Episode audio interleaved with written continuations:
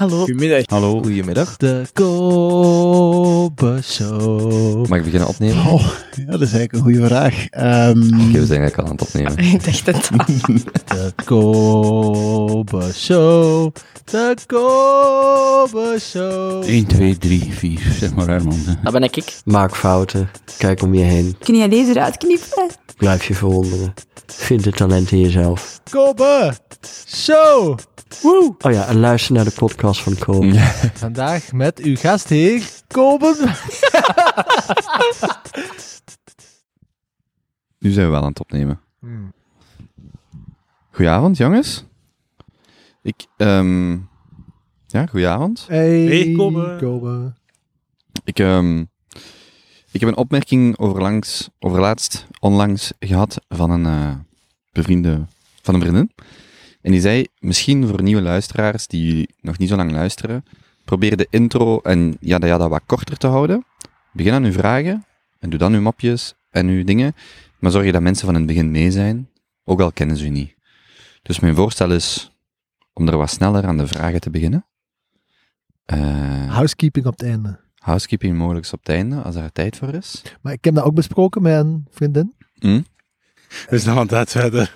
En die, en die zei van, ja, het is ook wel leuk als trouwe luisteraar, Hm, dat je op de hoogte wordt gehouden van bepaalde punten. Ja. En zij had schrik dat, als ze dat op het einde gingen doen, dat er geen tijd voor was. Ja. Weet je, misschien moeten we dan de tussenvorm doen. En in mijn hoofd is dat kort voorstellen voor de nieuwe luisteraars, housekeeping, en dan met de vragen beginnen. Dus gelijk als dat, dat we het anders doen eigenlijk. Ja, maar dan maar met in het achterhoofd houdend dat we niet... Dat we het kort moeten houden. Ja, en dat bijvoorbeeld dat gegiegel bij elkaar voor te stellen. dat, dat is. dat we dat misschien gewoon even proberen wat sneller te Ja, doen. oké, probeer je dat maar. Eh, ja, ah, ik, had, ik was al bijna aan het uitweiden. Eh, laat ons misschien bedanken. Beginnen hey, met, onze eh, gastvrouw is onze, gestrikt. met onze geweldige gastvrouw te bedanken. We mogen weer in, En de gasthond. in, haar, in haar tuin zitten. Ehm, Hey. Dus als je auto's en, ehm, en eh, wind en vuur hoort, dat is omdat wij buiten zitten, corona-proof. Ehm, ja, oké. Ehm, dus dus eerst, al, eerst heel kort voorstellen en dan housekeeping. Stel we elkaar voor. Nee, we, gaan, we zullen dit keer... Ofwel doet één iemand alle drie, of we doen onszelf. Doe jij alle drie. Alle drie. Oké. Oké, ik ben vanavond, eh, word ik vergezeld door eh Jozef El Basha. Jozef is een eh, Libanees-Belgische Belg. Dat is een Belg-Libanese. Nee, Libanees-Belgisch toch? Libanees-Belg? Ja? Belg-Libanees? Ja. Ehm, Ja? Is er een verschil in? Ik weet eh, dat niet. ah. Hoe voelt Wacht, Sorry. we zijn al... Ja, Ja, ja. Voor, voor de nieuwe luisteraar. Jozef is een eh, Libanees-Belgische Belg. eh, die eh, recent is verhuisd eh, uit de stad naar eh, Hoboken. Jozef eh, is ook een professor, docent aan de Karel de Groot Hogeschool. Ehm, en is ondertussen sinds februari dit jaar een vaste gast op eh, de Kobe Show. Ja, sorry. Die Dan- hond, die opgepikt. Dat is. Benjamin is, ehm, zeg maar, eh, het eh, intellect van de groep. Is Benjamin IJzermans, 30 jaar oud, de oudste. Ondernemer. Heeft, ehm eh, Die moet hem zijn eigen hè? co-CEO van Bouw Living. Ehm, ehm, ja, en heeft er eh, een paar goede weken op zitten. Is een goede vibe, zoals iedereen gaat merken vandaag. Ehm, daarnaast, ikzelf, ik maak deze podcast en eh, ik ben blij om eh, jullie twee hier te ontvangen. Allee, ontvangen. Wow. Ik vind dit heel onnatuurlijk. Ja. Ja, wat moet ik zeggen? Ja, Het is echt raar. Om voorgesteld te worden door Koop? Zonder zo een keer of twee dat belachelijk hoog, hoog lachje. Dat, dat, allee jong, dat is toch... ja. Ik vind, ik vind, ik vind dat Ik vind dat we, het, zo- als we het zo wat sec moeten houden voordat we met onze grapjes beginnen, dan ehm, ja. Goed, dan, dan kunnen wij direct naar de housekeeping. Ehm, mag ik misschien aankondigen dat eh, op ehm, populair verzoek er een eh, soundboard is gemaakt? Dit is een eh, versie 1 eh, soundboard het, het, Oh God. van Benjamin. Het is dus ook de Bennyboard. En ehm, je kunt naar bennyboard.be gaan. Het gaat in de show notes staan. En daar eh, staat een versie 1 met bijvoorbeeld... Ik ga even zien dat mijn geluid uit- aan staat. Holy shit. Dus, dus bijvoorbeeld om de, om, de soundboard, om de soundboard te gebruiken. Allee, Ik dat ben eh, sluiten. Benjamin. Sst, wacht, wacht. Ja, sorry, wacht. Ik ga proberen om het deftig te doen. Ik ben eh, Benjamin. Simpele Kempis en boerenzoon. Ik heb dat onthouden. Ja, sorry, maar ik schrok me nog. Goed gedaan. Goed gedaan, Krobbe. En dan, ehm, ja, en dan misschien nog om, om af te sluiten, om Benjamin eh, ehm, in, in, in één zin of zo. Een korte, maar een leuke.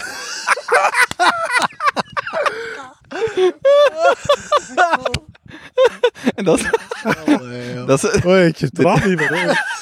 Nee, wacht, wacht. Die direct Als je, als je tranen in je ogen hebt, wacht hè. Ja, sorry, maar ik schrok me nog. Dit is enkel van vorige aflevering, dus ik moet er nog een paar van u aan toevoegen. Kobe. Wacht, wacht, en dan? En dan?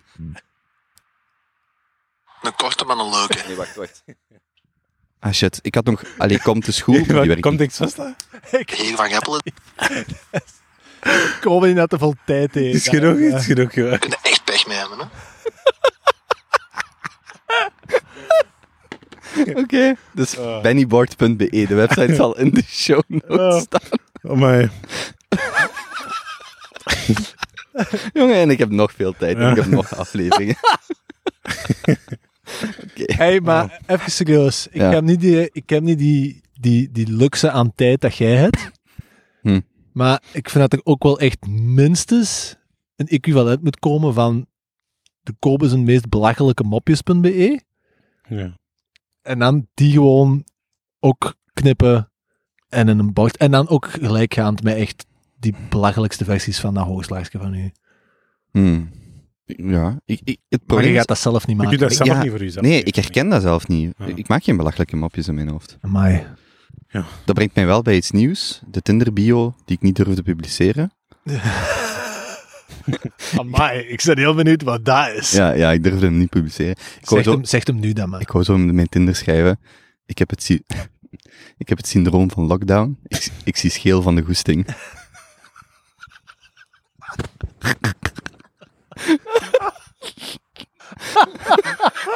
Allee.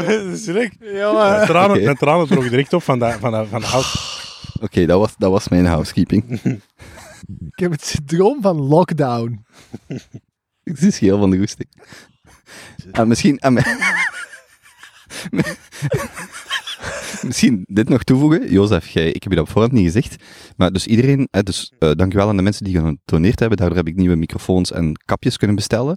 En Benjamin, zijn microfoonkapje, is beschreven door een, een, eh, ja, een fan van hem. Zeg maar, hoe kan dat gewoon? Een, een vrouwelijke fan van hem, moet ik zeggen. Ik weet niet wie dat is. Er staat Sunny Funny Benny op. Was dat er op die van u? Op de achterkant staat ook wel not so funny. Not so, De Kobe so podcast. Van mij is het nog leeg roos. Ja, ja. Ja, ja we hadden geen tijd meer. Oh, wie? Ik, ik ga haar u laten contacteren. Want ik, eh, je weet, ja, mag ik dat zeggen? Dat jij herkend wordt vanwege de, de Kobe Show? Nee. Oké, ja, nee, dan mag ik het niet zeggen. Oké, dan heb ik het niet gezegd. Goed, dat was, We hebben weer een Jij zei echt intro. DM, ja. ja, oké. Nee, nee, we zijn, oké, maar dat was, we, zaten lekker aan. Maar wacht, housekeeping. Uh, uh, moet er nog iets? Ah, ja, ik, ik heb nog één ding. Maar help me dat gewoon. Ik ga dat nu zeggen, dat je mij daar moet aan helpen herinneren voor op het einde. Oké, We hebben toch eens op het einde een vraag. Wat kan de Junto doen voor maatschappelijk nut en hè, Mhm. al dat gedoe? Ehm, ik heb eentje. Maar het is niet... Allee, help me er gewoon aan denken. Voor op het einde. Oké. oké, ik ga dat noteren. Dat is mooi. Ehm, ja, nog iets? Postpot? Ah ja, misschien van dat jij een eerste sponsor misschien hebt binnenkort. En dat alle opbrengsten dan van de Junto-afleveringen in de Postpot gaan? Eh, ja, we moesten die details nog even bespreken, maar ah ja. In, inderdaad, de Ja. eerste adverteerder ligt vast. En eh, ik eh, heb nog geen datum waarop het live gaat komen, maar we gaan wel ervoor zorgen dat de afleveringen met de Junto, dat dat naar de bospot gaat. En wie is de adverteerder? Want ik, weet, ik zie die, maar ik weet niet wie dat is. Ja, ik ga nog even wachten tot het hier absoluut is, maar het is wel iemand met een nauwe band met de podcast. Dus ik ben Hmm. blij dat die persoon en dat bedrijf... En wat kunnen wij eruit krijgen? Koffie of thee of schoenen of zoiets. Lekker, Ehm. lekker, lekker eten. Lekker eten? Ja. Jij Wel. weet, het al, jij weet het al, Benjamin. Ja. En ik... Oké. Maar jij werd later hier. Ik heb dat niet meer kunnen vertellen voordat we begonnen op te nemen. Dat is niet omdat... Maar je hebt wel rijstpap bij. Ik heb Mijn mama heeft ding. gemaakt voor de gasten hier. Ja, dat was heel lekker. Dus Jozef komt te gaan met een plateauke vol met rijstpap. Je zet dat plateauke neer. En anderhalve minuut later staan er drie potten hummus op mijn, op mijn knieën. En een doos met crackers. En staan we ook hummus te eten van op mijn knieën. Ik wil dat jij geniet. Hm. Ja, ja. Ja. Benjamin heeft dat nodig. Iemand dat lief is voor hem. Hm. En Ik ik wil die vind, als, persoon u, zijn. ja, als uw vrienden lief zijn voor u, dat is toch mooi? Tuurlijk. Oké. Ehm, moeten, wij, hè. moeten wij nog iets? Ja. Ja, die eh, paintball. Ja. Ja, ehm, ik heb contact gehad met die eh, gast van eh, het fort van Stabroek, Stafort. En dus die zijn verplicht gesloten tot en met 13 of 16 december, tot, tot eh, de lockdown ehm, afloopt. En dan zijn ze terug open. En we, die bon is geldig tot februari of maart. Dus ook wel, zou ik je voorstellen, de laatste keer dat we dat vermelden voor de mensen die al... Ja. Hè? Dus als je nog wilt meedoen, v- ja, eh, dat zal ik Benjamin laten uitleggen. Maar we zijn met acht. Pak dat er nog max twee mensen kunnen meegaan. We gaan paintballen in het fort van Stabroek. Ja. Is dat goed genoeg? Of moet ik daar nog van aan? Ja, eh, ja. Ja, Ja, kost van heel, zeg. ja, eigenlijk ja. Ik weet niet eens wie de adverteerder is.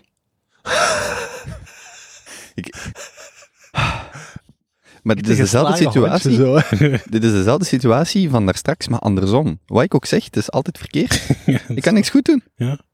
Ik vind ook dat jij meer moeite moet doen voor mij. Ik wil dat nu even zeggen. Weet je dat ze En doe mij eraan denken dat ik dat op het einde ook nog eens zeg. Ja, dat is... in, in Duits Wil je dat even noteren? In Duits. Ik ga hier direct fuck you noteren. In Duits hebben we daar zo'n woord voor. Ja. Zoekzwang. Dat is zo, als je wat ook doet, je staat vast. Dat is eigenlijk gelijk schaakmat. Ah ja. Maar zoekzwang. Zoekzwang. Ja. Zoekzwang. Klinkt Chinees. Zoek. Gelijk trein in Duits. Ah, zoek. Zoekzwang. Zoekzwang. Zoekzwang. Zoekzwang. Oké. ehm, ik was eh, deze week in de trein, dus nu dat we de housekeeping weer eh, helemaal zwart. Moeten we onze slogan nog zeggen? eh, Bob, misschien moet je vandaag zeggen wat dat we gaan bespreken. Ja, ik wou, ik wou aan de vragen beginnen, maar ik wou nog aankondigen dat ik de vragen lichtjes herschikt heb. Ehm, dus de vragen blijven hetzelfde. Dat is ook goed dat we dat weten. eh Ja, de aflevering al bezig is. ja. ehm, Wat is dit? nee, nee, nee, maar omdat ik, het, het, het leek mij dat bijvoorbeeld de vraag, wat maakt u momenteel gestresseerd? Daar heb ik aan toegevoegd of was een hoogtepunt of goed nieuws van de laatste twee weken, dat we daarmee beginnen. Dat is mooier eigenlijk, ik vind dat leuker om mee te beginnen. Dan het citaat of oude wijsheid en dan heb je recent iets gelezen en dan gaat het gewoon zo verder. Ik heb dat een beetje herschikt, omdat ik denk dat we dan een eh, mooier eh, flow in ons eh, concept krijgen. Oké, volgende keer liefst voor. Maar de vragen zijn hetzelfde, hè? Je hebt- er is niks anders. Misschien... Ja, ik zou ook graag Ja. professioneler willen worden. Ja, echt. Allee. Jij als Wat meent je? Dat is niet erg. Zo, huisvader? Ja. Ik ga even Maar dat zijn van de... de podcast. die, die podcast is zo de Curious Case of Benjamin Button. We gaan zo in de andere richting. Ja, maar volgende keer gaan we weer in dezelfde richting als vandaag. En het heet ook V0.2 nu. Ah ja, Eerst was het V0.1. oké. Dus de, het idee van een kortere housekeeping, daar zijn we al totaal in gefaald, hè? Ja. Oké, Oh, Ik zal met timestamps beginnen en dan, kan ik, dan kunnen mensen zo klikken, zo pam. Oké, vraag Ja. 1. prima. Oké. ehm, goed, dan eh, gaan we beginnen. Vraag 1. Wat maakt u momenteel gestresseerd? Of is er een hoogtepunt of goed nieuws vanuit, sinds de laatste opname?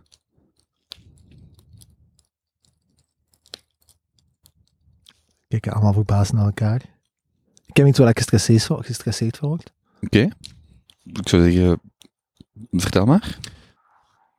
De snelheid waarbij dat de bitcoinprijs aan het toenemen is.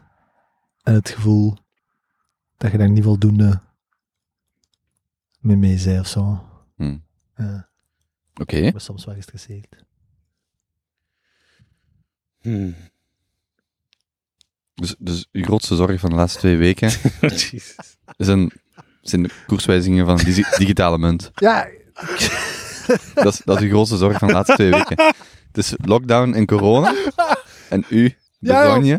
Tijdens de laatste aflevering wil ik dan echt iets serieus, hè, corona en zo. En dan eh, zeide jij, ja, nee, focust je op de lichtere dingen van het leven? Ah wel, dat is mijn antwoord. Ik probeer het licht en ook informatief te houden. Oké.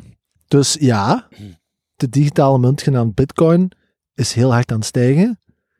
En dat geeft mij op een bepaalde manier wat stress. Omdat je er niet genoeg van hebt. Denk het. Hm. Ja. Oh nee, hij gaat niet rijk genoeg worden. Germen. Ik vind, ik, Echt waar, die mensen die... Ja. Oké, zeg maar. bah, nee, waar ik aan dacht, ik vind dat wel heel spannend om te volgen, zo hoe dat dan ontwikkelt. Super spannend. Ja. Ja. En dat, dat, je checkt dat nu ook. En ja, daar kijk ik soms wat stress van. Ik ben zo benieuwd hoeveel procent van de luisteraars zou daar een idee van hebben of het bezitten. Dat is misschien wel een leuke poll. Echt zo white man problems. Oh. Hmm, Ja, waarschijnlijk. Hmm. Heb jij bitcoin? Ik las een quote. Ik las een quote van de week. Ja, maar Jozef, had nog- heb je, heb je bitcoin of niet? Nee, zot. Ah, oké. En ik las een quote van... ehm dat wel zo over di- diversiteit. Ik ga die erbij pakken. Ik vond die heel mooi. maar dat is, een, dat is een volgende vraag. Ja, wacht. Ik ga die nu zeggen. Het gaat over de mensen die divers zijn. Ja. You've got to be twice as good to get half as far. En daar denk ik over na. Oké.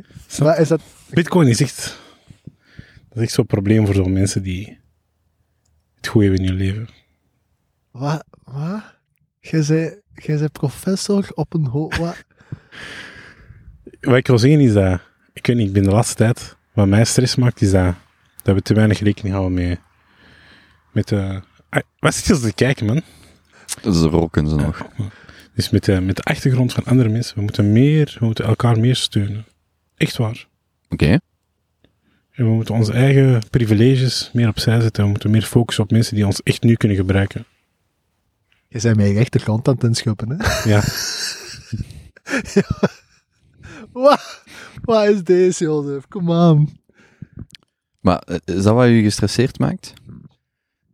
Eh, wat mij gestresseerd maakt, ja, omdat, we, omdat ik zie dat veel mensen psychosociaal problemen hebben, veel jongeren. Dat maakt mij, dat geeft mij de laatste tijd veel stress. Veel jongeren die dat zich niet goed voelen. En we kunnen die niet goed bereiken door corona. Eh, veel mensen die eh, veel druk ervaren omdat ze toch nog moeten presteren doorheen deze tijd. En eh, mensen die zich willen amuseren, maar niet weten op welke manier. En iedereen is dat kostbeu. Dat, ja, geeft mij stress, omdat je dat voelt bij je vrienden. Oké, hoe gaat je daarmee om? Door dat een en al bespreekbaar te maken op een podcast.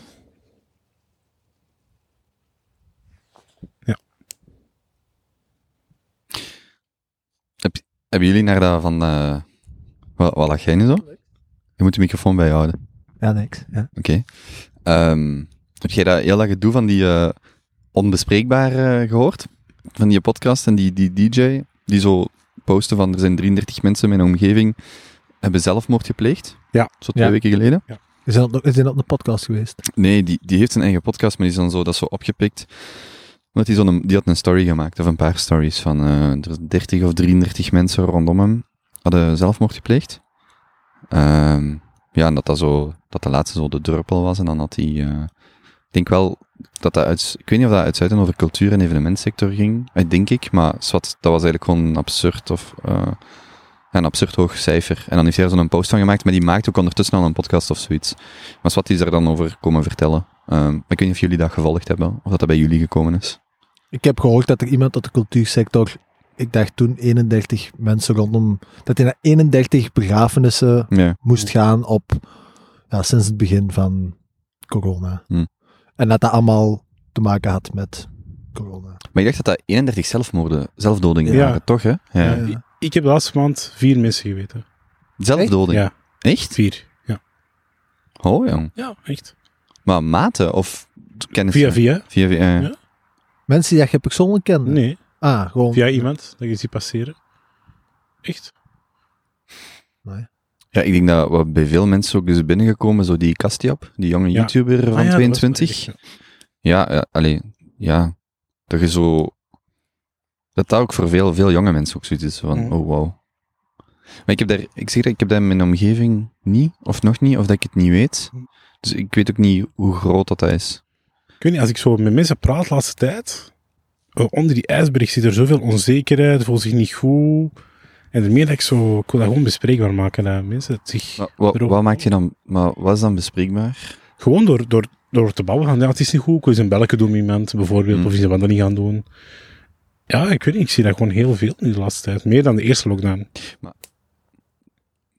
Daar zit ik dan mee. Wat ik zo vaak... Ik weet niet of jij mij dat hebt gezegd, maar iemand Ja. heeft mij gezegd, bellen naar mensen of erover praten, dat is eigenlijk altijd al de tweede stap. Mhm. Want dan heb je het eigenlijk al gerationaliseerd. Het feit dat je iets kunt onder woorden brengen, is eigenlijk al een tweede stap. Mhm. En wat je zo, of wat ik het hardste mis, is dus niet aan iemand moeten uitleggen hoe ik mij voel. Gewoon iemand dat je vastpakt, of dat ziet van het gaat niet goed, of het gaat wel goed.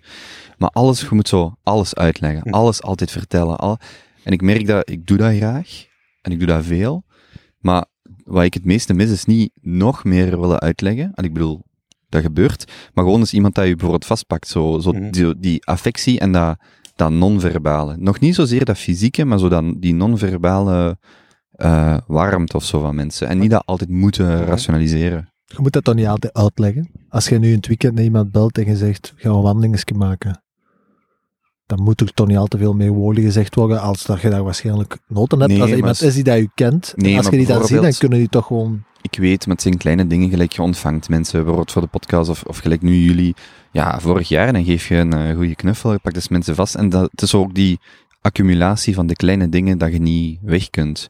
En dan kun je wel eens, eh, dat met eh, één of twee, wat is het, knuffelcontacten of dit, maar dat is niet, dat is ook allemaal zo sec en zo droog, en dat is wat ik het hardste mis. Niet zozeer niet kunnen praten met mensen, want er zijn ook, er zijn ook hulplijnen, er zijn maten, familie, maar zo het niet hoeven praten. Maar ook dat, als je dat vandaag wilt doen, dan moet je weer afspreken dat je niet hoeft te praten. Zo, zo min of, en dat is ook niet helemaal waar, maar zo, Mhm. zo het gebrek aan zo dat non-verbale, dat van, het is oké. Spontane.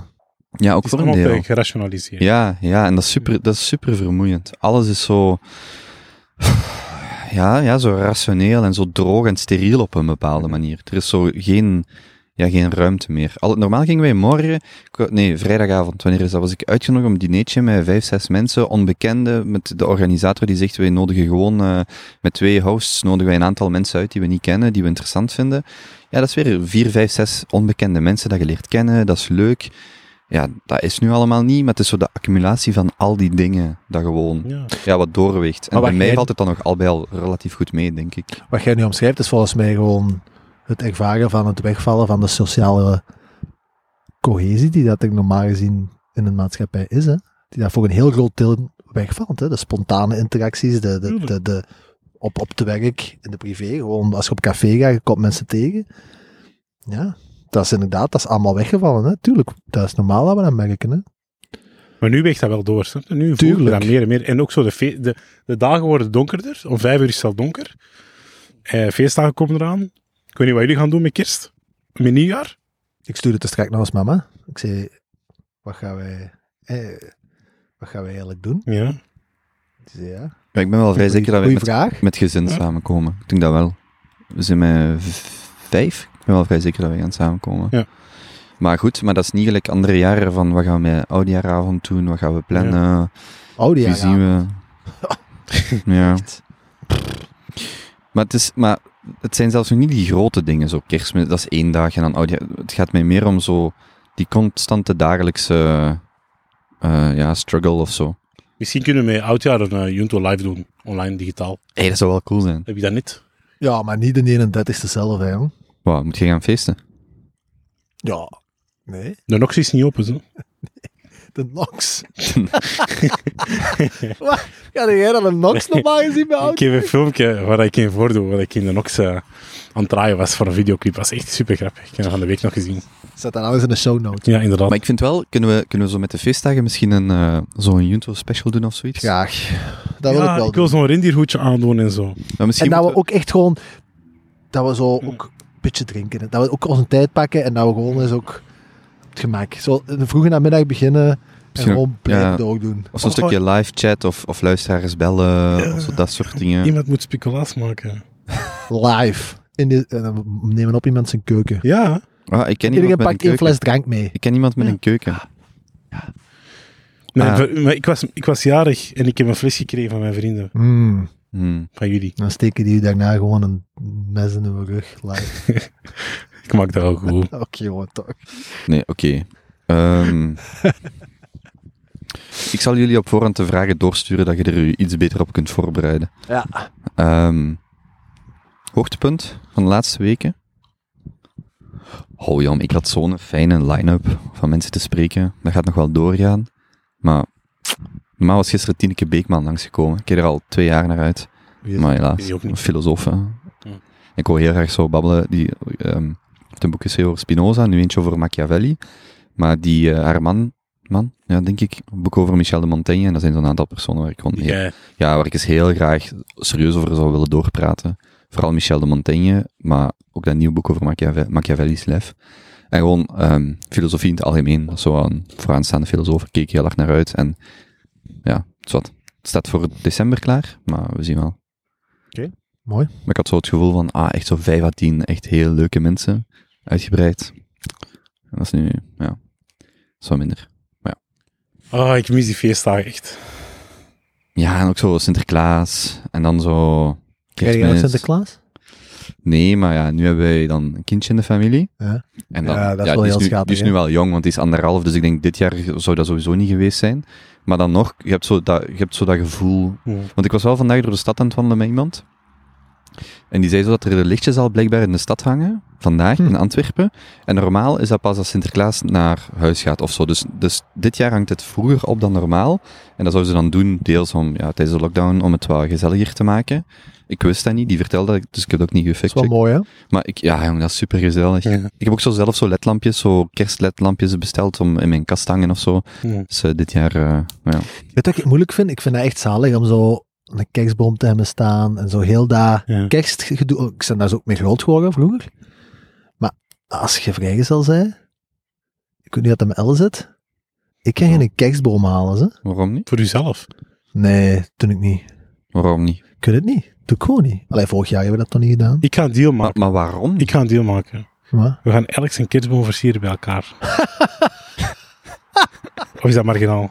Ik vind dat wel leuk, maar ik wil eigenlijk geen kerstboom. Ik vind het gewoon te veel gedoe. Maar ik doe dat voor jou. Ja, maar ik moet dat ook wel opruimen en wegbrengen en opstoken. stoken die Een niet. valse. Een valse kerstboom. Nee, maar ik vind dat, ik, mij zegt dat niet zoveel. Oké. Maar ik wil, dat, ik wil u wel komen helpen als we die van Benjamin gaan eh, inpakken. Ja. Maar waarom zou je dat niet doen? Omdat je single bent. Ja, nee, ik weet het niet. Ik heb hetzelfde als jij zegt. Dat is zoveel gedoe. En ik denk dat dat leuk is als je dat dan met iemand kunt doen. Hè, met, met, met je vriendin. Eh, Dat is eigenlijk wel een romantische gast, hè. Ja. Die wil dat gewoon met iemand doen. Ik kom dat doen met u. Ja, ik kom u helpen. Ik kan echt lief zijn. ja, toch? Ja. Dat wil ik toch niet mee gezien. Dat is juist. Ik speel trouwens elk jaar eh, kerstman. Echt waar. Och, jong. Echt? Allochtoonse Libanese kerstman. Dat waar. is zalig. Waar dat? Voor eh Sant'Egidio, dat is een organisatie die jongeren eh, ondersteunt. Soms zijn om die kerel echt. Ik ben Ja. begonnen als Zwarte Piet en ik heb me opgeklommen tot, tot kerstman. Eh, Oh, dat was altijd het beste mopje van Sinterklaas, vond ik. Ehm, ik wil wel Sinterklaas spelen, maar ik heb geen zwarte Piet.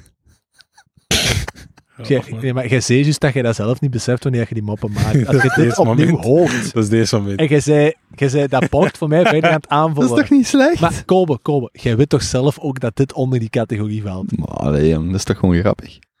Zwat, oké, ja. Maar dus dat is superleuk, want ehm, ik speel daar een Mongoolse, Libanese kerstman. want, eh, ja. Jongen, dat Dus, kan toch niet? nee, maar echt waar, echt waar. Dus dat kerstpak is van, ja, die mensen die organiseren komen uit Mongolië. En die hebben een Mongools Hmm. kerstpak. En dat is die blauw met wit. Hm. Ik zal het foto wel doorsturen. En dan, Ah, dat zijn- die mensen komen uit Mongool, uit Mongolië. ja, die dat organiseren. Ja, dat is een Mongools gezien. Ik dacht dat jij... Ja, Niet zeggen wat je dacht. En dus, en dat is superleuk, want ik kom eraan met helemaal andere kleren. Dan zie je zo mijn bruin baardje, dus ik moet mijn donker wenkbrauw dus wit maken. En dan kom ik daar en zeg ik, hey ladies, wie wilt er allemaal beginnen twerken? Dus ik probeer zo'n beetje, snap je, mee met die gasten te gaan. Wacht, hoe oud zijn die mensen? Zo tussen de 2 en 18. Dus ik probeer dan zo een beetje sfeer te maken. Ladies. Maar ik probeer zo, ken Zo het, tegen de de moderne... Nee, maar ik ben serieus. Ik probeer echt zo'n moderne kerstman te zijn. Wanneer kunnen we dat komen bekijken? Ik heb daar filmpjes van. Dat is echt superleuk. Ja, ik laat mijn te school, schoot komen. Ik laat allemaal klappen en dansen. Ik zo, ja, dat is echt leuk. Ja, maar dat zal wel. Die krijgen dan allemaal, dus worden gesponsord en krijgen allemaal een kei schoon kerstcadeautje. En die kindjes zijn super lief. Wat doet die organisatie dan? Die eh, ondersteunen daklozen, eh, Ja. de kwetsbare doelgroepen. Ik ben er al jaren vrijwilligers van. Maar dat heeft niks te maken met... Dat is, dat is toevallig dat dat door twee Mongo eh, door Mongoliërs... Nee, eh, dat is gewoon, of- die werken daar, die organiseren. Ja, ja, maar het is niet dat dat specifiek eh, Nee, nee. dat dat een band heeft. Nee, er, ah, nee. Dat is super leuk om te doen. Dat is echt, eh, ja. Dus dat ga ik ook missen. Hm. Dat ik die kindjes nu geen kerstman kan geven. Mhm. Maar ik denk dat voor veel mensen is die zich zo engageren. Kijk, zo de warmste week. Ik heb daar dit, ik, ik luister geen radio, maar ik weet niet in welke mate dat dat nu plaatsvindt. Maar ja, de afgelopen jaren zijn mensen daar nu volle bak mee bezig. Wafelen en wat is het allemaal, wat dat ze allemaal doen voor geld in te zamelen. En nu is het allemaal zo, Ja. ja, we zien wel. Ik wou nog ook- één ding zeggen, Mhm. als ik mag. Want eh, een vriendin van mij zei gisteren, ja, ik wil eh, eten gaan geven aan daklozen. Ik had een- die reportage van Jambers met die daklozen. Ik weet niet of jullie hebben gezien. Super mooie reportage. Heel confronterend. Maar iedereen wil dus mensen, dakloze mensen, iets geven op kerstmis. Op Hm. kerstavond bijvoorbeeld. Omdat zo'n symbolisch, eh, als je zoiets wil doen voor je naaste, is dat wel iets mooi, een mooie betekenis. Maar eigenlijk dacht ik van iedereen, of veel mensen willen ehm, dan aan de daklozen iets geven. Maar eigenlijk moeten we dat alle dagen ervoor en alle dagen erna doen. Mhm. Eigenlijk moeten we vanavond de dakloze mensen iets gaan geven. Dat wil je zeggen dat je morgen de kans hebt om iemand iets te geven? Ja, zullen we Hm. dat doen? En niet op kerstavond. Ja, niet enkel op kerstavond. Benjamin, wat eh, kijk je zo? Ik vind wel, en dat is zo voor mij een, een frustratie die ik al langer heb. Ik praat er niet zo graag over, want dat is zo, ik vind dat vrij persoonlijk. Maar ik heb mij zo dit jaar voor drie of vier ehm, vrijwilligersorganisaties aangemeld. Ja. Eigenlijk vandaag ook was ik met iemand aan het bellen. Het ging over, ehm, ehm, over het begeleiden van gedetineerden die de gevangenis verlaten. En dan ben ik daar zo mee aan het bellen. En dan zegt hij, oké, ja, kunt je een opleiding komen volgen op die dag? En dan heb ik zo al iets gepland. En dan zo, ah ja, goed, dan moet je een jaar wachten. En dan zo, ah ja, dat stond niet bij ons annonce. Zo, ik had me ook bij ZNA ingeschreven voor zo'n zorgbuddy, drie maanden vol tijd. En zo, ah ja, we hebben heel veel antwoorden gekregen, het gaat toch niet door. En ik vind dat heel frustrerend soms, wat die sector aangaat, dat ik moeite doe om opleidingen te volgen, dingen te doen. En dan is er zo, ik bedoel, dit is nu wat het is, maar dan doe ik zo moeite en dan wil ik mensen helpen en dan valt er zo eh, hier weer iets weg of daar weer iets weg. Of heb je daar toevallig weer iets ge- gemist of zo? En soms heb ik ook zoiets van, "Ah, ik wil wel helpen, maar dat is eigenlijk altijd heel veel gedoe. Of toch in mijn ervaring is dat tot nu toe altijd heel veel gedoe geweest. Ja. Voordat je uiteindelijk gewoon ja, vrijwilligerswerk of zo aan het doen Ja. bent. Zwaar. Maar ja, goed. Daar was ik een beetje gefrustreerd als die vandaag aan de bel van, ah ja, die datum stond, die twee data stonden inderdaad niet op de website en zo. Ja, jongens. Ja, ja, goed. Zet het er dan misschien bij, dan kan ik dat checken voor ik appliceer en voordat we een half uur bellen. En ik bedoel, die bedoelen dat goed, hè? Dat is gewoon zo wat frustrerend. Je wilt dat, je wilt dat gewoon doen. Zwat. Oké, sorry Benjamin, we gaan terug over bitcoins praten. Nee, ik, ik- prima.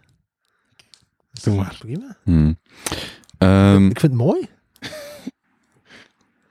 Oké. Oh jezus, dat is ineens heet. Of ligt aan mij? Nee, nee, het is, dat is warm. Het is warm, hè? Zeker warm. Vorige keer was het koud. En gaat je mijn handschoenen nu aandoen of niet? Nee. Oké, wel? die- dan eens terug. Ja, ik ga één aandoen. Weet je de welke? De rechtse. Ehm, vraag 2. Welk citaat, oude wijsheid of inzicht is je de laatste weken, twee weken bijgebleven? Ik heb het gevoel dat dit Jozef zijn categorie is. Ik heb er net, ik heb er net in gezegd. Ah, nu is het citaat. Ja. Ah ja. Ja, de, Dat- de vragen blijven hetzelfde. In het geval De dat rangschikking is gewoon anders. de rangschikking is anders. Doe maar, doe maar. Benjamin, echt waar, alsjeblieft, doe. Hebben jullie, hebben jullie trouwens nog nagedacht over het beste nummer van het decennium? Heb jij vorige, we hebben dat vorige keer besproken, maar toen waart jij er niet. Nee, oké. Heb jij er nog over nagedacht? Nee. Oké, goed. Volgende keer dan. Ja, dus welk citaat? Heb jij er? Ja. Go for it.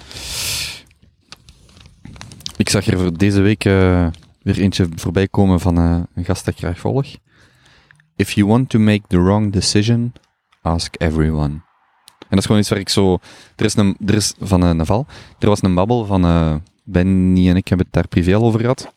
Zo'n geweldige babbel eh, op een podcast. Ehm, Die van mij en Peter Renze. Nee, die van Lex Friedman met, eh, met Eric Weinstein. En dat was echt, ja, zo, die Lex Friedman is zo een beetje de... Die is, eh, was een professor bij MIT, zo'n eh, 34-jarige gast. Is nu zo volledig voor zijn eigen podcast en, eh, AI-research aan het gaan. Maar die had eigenlijk een hele goede babbel met die Eric Weinstein. De babbel 134. En ja, ik denk dat ik daar heel veel over aan het nadenken was de laatste twee weken, omdat zo Eric eigenlijk... Eric is 20 jaar ouder. Zo die Lex was challenged om na te denken over wie zijt je, wat doet je, wat is echt je impact, wat is je verhaal. Ik vond dat Eric nog niet ver genoeg ging, dus ik hoop dat die nog terug gaan samenpraten en, en er serieuzer op ingaan. Maar, en dat slot dan aan bij die quote, hè, van als je de juiste keuze, of nee, de quote van Naval was, hè, if you want to make the wrong decision, ask everyone, want had ik daar zo geretweet en erbij geschreven van, if you want to make the right decision, trust only one, of zoiets.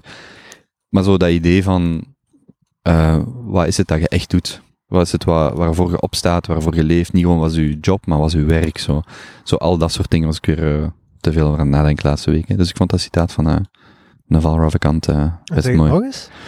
If you, want to, if you want to make the wrong decision, ask everyone. Hmm. En dat sluit een beetje aan bij wat hij, dat hij nogal zegt, dat zo, ehm, eh, eh, je vindt nooit waarheid in een groep. Je Nee. vindt dat alleen individueel. Ah, Zo, groepen zoeken consensus, individuele waarheid. Oké. Ja, die babbel. Ja, echt, ik- eh, dat is ja, serieus absoluut. een aanrader. En ook Lex Friedman, ik was ook zo zijn babbel aan het luisteren met Jaron Brook over eh, de Ayn Rand eh, specialist. Eh, en, en dus de gespecialiseerd in objectief, eh, objectivisme. Ook eh, heel interessant. Jar- Jaron Brooks, denk ik, eh, 139 of zoiets. Echt, eh, Lex Friedman is echt op een hoog niveau in het podcast. En Ja. Ik vind het wel een zot interessante gast eh, om te volgen. En die is echt nog niet lang bezig ook niet, hè? Nee. Dat is echt zot. Ik had ehm, een quote die ik al een tijdje in het lijstje had staan. Eigenlijk al van het begin van de lockdown. Dat die eh, Balaji, ehm, dat is een... eh, dat? is nu een venture capitalist in eh, een of ander groot fonds in eh, Silicon Valley. Ja. Maar hij is ook heel veel bezig met crypto en, en nieuwe technologie en zo. En Bitcoin. En ehm, die had eh, in het begin van corona, Ja. had hij eh, het volgende gedeeld. Waarin dat hem zegt dat eh, Starlink and technologies like it may mean internet everywhere. And remote work is going to progress 10 years in the next few months. This combination increases the value proposition of rural areas relative to cities. Dus dat met Starlink, hè, dus die satellieten die gelanceerd worden door, door SpaceX, dat er binnenkort internet overal is. En daar zijn ze nu een paar weken geleden begonnen met de eerste testen. Hm. En dat is echt zot. Alleen je hebt echt 150 megabyte per seconde downloadsnelheden in echt the middle of nowhere. En dat is een van de, volgens ja, zijn theorie dan, gaat dat een van de elementen zijn dat ervoor gaat zorgen dat er misschien toch meer mensen terug in het, op het platteland gaan wonen in de plaats van de stad. Dat in combinatie met hetgeen dat we nu aan het meemaken zijn met remote work. En dus dat mensen niet meer noodzakelijk naar de steden moeten trekken voor een economische opportuniteit. Is dat, zo- is dat nu zo?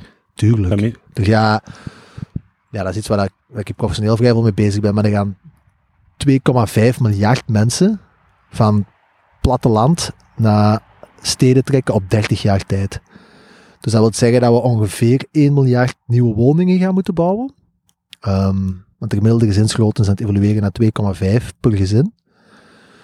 En dat gaat, die woningen gaan voornamelijk in de vorm van appartementen zijn. En als we die 1 miljard woningen zouden bouwen met de technologieën dat we nu hebben, namelijk beton en op de, vooral dan ook de inrichting op de manier dat we het nu kennen, Ja. Dan zorgt die bouwspurt alleen al dat het klimaat met minstens 2,5 graad zal gaan stijgen als we geen nieuwe technologieën gaan implementeren. En de kost zou ook zo groot worden dat meer dan de helft het niet zou kunnen betalen om een woning te hebben. Maar is wel interessant. Dus, alleen ook om daar een beetje een idee bij te geven, dus die 2,5 miljard mensen, puur alleen de appartementen dat ervoor zouden nodig zijn, dat wil zeggen dat we de komende 30 jaar elke maand een stad, de grootte aan New York, aan gebouwen moeten zetten, Hmm. verspreid over heel de wereld. Dus probeert u zo dat beeld voor, eh, te vormen van de hoeveelheid aan gebouwen dat er in New York staan. Ja. Elke maand die hoeveelheid aan gebouwen, verspreid over heel de wereld, 30 jaar lang. En ja, dat, dat, is echt, dat is een van de grootste uitdagingen, denk ik, waar wij voor staan als maatschappij. Maar ja, allee, dat leek een wetmatigheid dat die trend ging plaatsvinden. En ik, ik geloof het eigenlijk nog altijd wel. Ze. Maar Ja. dat punt wat hij aanhaalt, vind ik persoonlijk wel heel interessant, want het is wel een terecht punt. Allee, Maar ik, ik zag die documentaire van Live on Planet Earth, die nieuwe van David Attenborough. ja. En daar op het einde zei hij als mogelijke oplossing, nadat hij zo keihard heeft zitten ranten over hoe slecht dat gaat en echt met heel schrijnende, maar ook mooie beelden over de planeet, zei hij op het einde, we moeten gewoon minder kinderen maken. Want je zegt gemiddeld 2,5 en dan zegt ja, we moeten gewoon onder die 2 gaan, of naar 2 gaan. En dan komt dat goed. Als wij gemiddeld twee kinderen maken, komt dat goed. Dat is een van zijn oplossingen. ja, maar dat is een andere discussie en dat is Ja. wel iets genuanceerder. Allee, we kunnen dat nu ook aanbogen, hè, maar dat is wel iets genuanceerder. Dat is dat, naar mijn idee. Oké, Ehm, ik ben daar geen expert in, maar dat lijkt mij gewoon logisch dat als je minder kinderen maakt, dat we ook gewoon minder moeten bouwen. ja, maar de vraag is... Ah ja, ja, dat zou getrokken zijn, maar Waar? ja, waar? Ja, oké. Ja. Want in Europa bijvoorbeeld is het geboortecijfer eh, al, zeker in bepaalde landen zoals Duitsland, geruime tijd onder de 2. ja, dat dat goed is.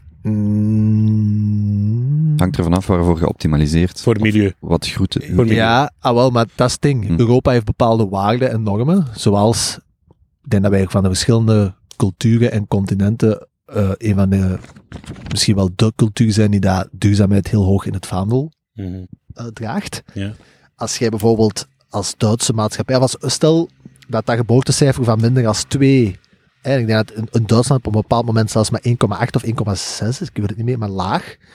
Als je twee generaties vooruit, is die bevolking gehalveerd. En is En dan is uw vraag, wat gebeurt er met die waarden en die normen?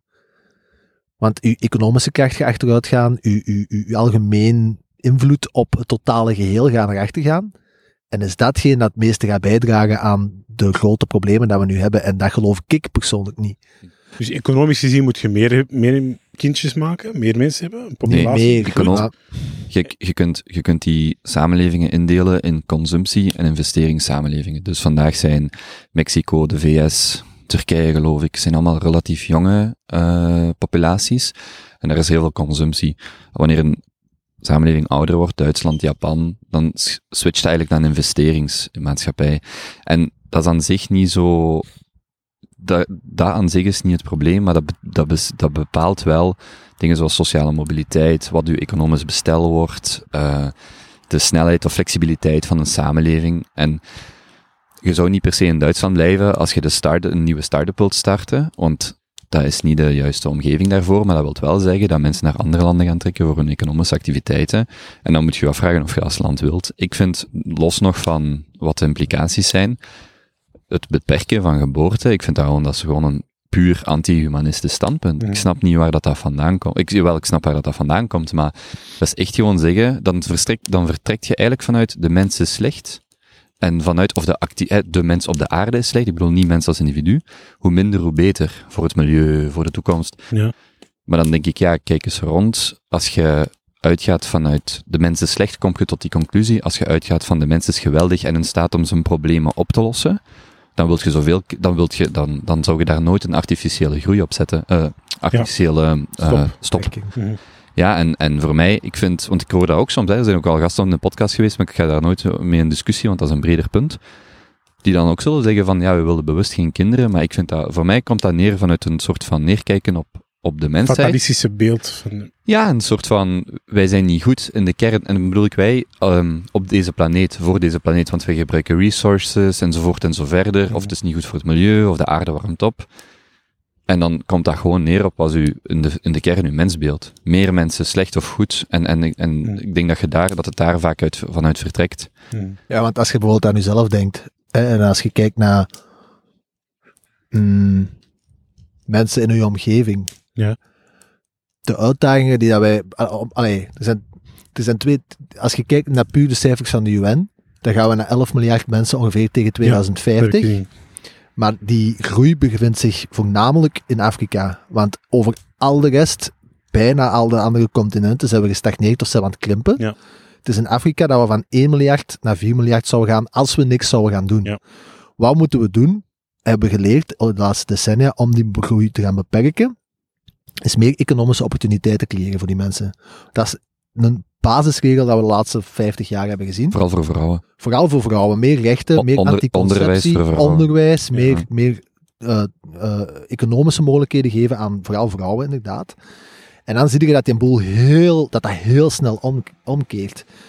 Maar dan vind ik het ook zo een beetje vaag, want dan, als je dan zelf bij je eigen inbeeldt, als ik nu een, eh, een paar kindjes zou maken, 1, 2, 3, 4 Ja. kinderen, en ik geef die mijn waarden en normen mee, waar ik mee in het leven sta, en die hebben de mogelijkheden om te genieten van het onderwijs dat wij hier hebben, Ja. denk ik dan dat over de eh, totale levensspannen van die hun leven, dat die netto op het einde van de rit meer positief als negatief gaan hebben gedaan. Dat die bij wijze van spreken, door hetgeen dat ze hebben geconsumeerd doorheen hun leven, dat dan een grotere negatieve impact hebben gehad als het positief dat die hebben gedaan aan de medemens of aan bepaalde grote uitdagingen waar we voor staan. En dan heb ik zelf wel het idee dat als dat het geval zou zijn, is er wel echt iets misgelopen in Ja, tuurlijk. bepaalde waarden, normen, opvoeding dat er is meegegeven. Ja. Dus daarom, ja. Dat is... Maar dus, om bij mijn origineel standpunt te komen, eh, waar, daar, dan, dat koppelt daar eigenlijk aan, als je nadenkt over... eh, eh, dat is ook zoiets, eh, je ziet in België ziet je daar de gevolgen van. Hè. Ik, ik, ik vind het op zich een, eh, een, ook een romantisch idee om op de buiten te gaan wonen met een veld en, eh, en een grote hof en, en een groot huis.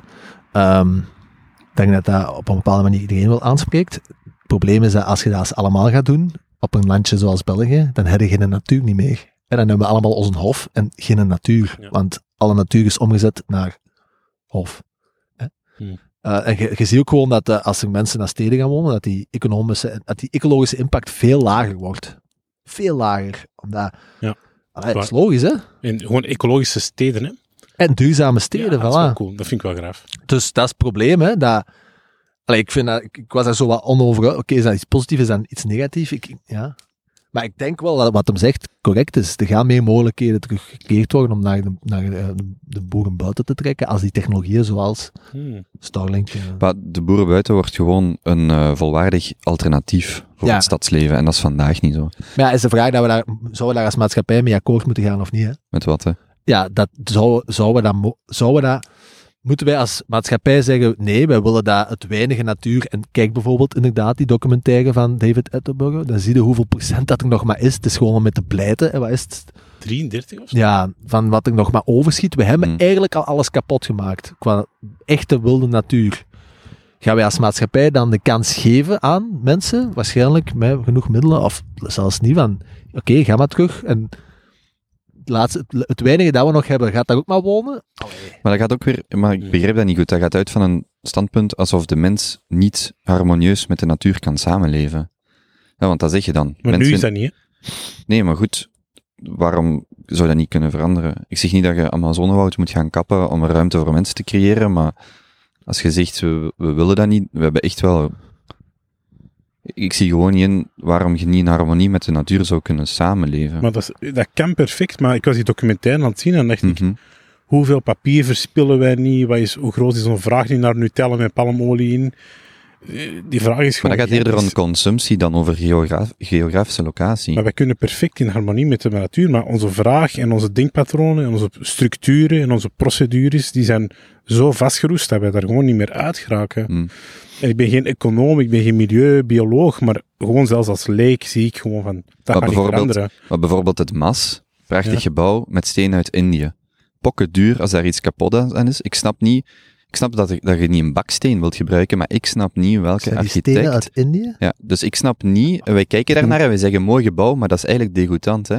Dat, dat, en, en dat is bijvoorbeeld iets, dat snap ik niet, en dat is waar ik ook lang over kan ranten, is de, de mate waarin wij lokale na- na- eh, natuurlijke resources gebruiken.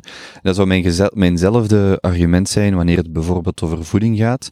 Er zijn sommige mensen die zeggen, ik eet geen dier, maar ik haal wel mijn tomaten uit Spanje en mijn avocados uit Brazilië en mijn quinoa uit Peru dan vraag, en mijn rijst uit Thailand. Ja, dan vraag ik mij af of dat gezonder is voor een, voor een ecosysteem vanuit uh, milieustandpunt. En ik denk dat, dat, dat een, zo'n herwaardering van een lokale productie over de hele lijn, ja, dat dat een heel, ja, dat dat onderbelicht Ja, is. gewoon frietjes elke dag. Maar ja, maar bijvoorbeeld... Sorry, sorry, ik moest even... Ja. Nee, maar er- er is-. Er is niks natuurlijks aan, aan die, die, die globalistische aanpak die wij hebben. En, en wij, wij gaan een winkel binnen en wij verwachten dat er een heel jaar lang verse avocados liggen. Maar dat is gewoon niet de realiteit. En dat is een deel van dat probleem van de manier hoe dat wij naar eh, consumptie kijken. En, en dat heeft evengoed, dat heeft in de bouw, ziet je dat, dat ziet je, dat ziet je op heel wat eh, aspecten in ons leven. Zo boeiend. Ik vind die super boeiend, hè? En, en bijvoorbeeld ook, en dat is wel cool met, met technologie, democratiseert je wel bepaalde dingen. Bijvoorbeeld, vroeger moest je naar MIT, vandaag kun je die cursus digitaal volgen. Zelfs de, de armste Zuid-Amerikaan kan, heeft toegang tot heel wat cursussen van Harvard bijvoorbeeld. En daarin zie je dat technologie dat wel democratiseert. En dat is heel spannend. En dus met die 3 miljard mensen die online komen, ja jong, dat is, dat is zo'n economische boost voor onze wereld. Dat Wat vinden jullie dan van de pakjes? Welke pakjes? Al delivery constant, iedereen Ja, is ik nu... ik En op dit is komen. waar ik, heel Ja. waar ik, nu mee zit. En ik ben daar zelf een zwaar gebruiker van, sowieso, dat kan ik niet ontkennen. Ik, ik weet dat niet. Ik weet ook niet wat, wat daar... Ik denk dat bij mij het standpunt vaak vertrekt dat als er vraag voor is, dat dat het incentief creëert om het op goedkoper, duurzamer, betere manieren te doen. Maar dat is ook een stelling die je dan in de realiteit heel vaak gaat geschonden zien worden. Dus ik weet niet...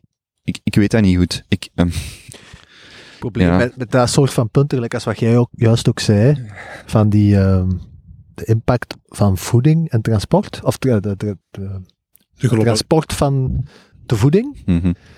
is dat wat heel moeilijk is, blijkbaar, heb ik de laatste jaren al ondervonden, om daar ook professioneel vrij veel mee bezig te zijn, is dat wij daar de neiging hebben om daar eh, gevoelsmatig op te reageren.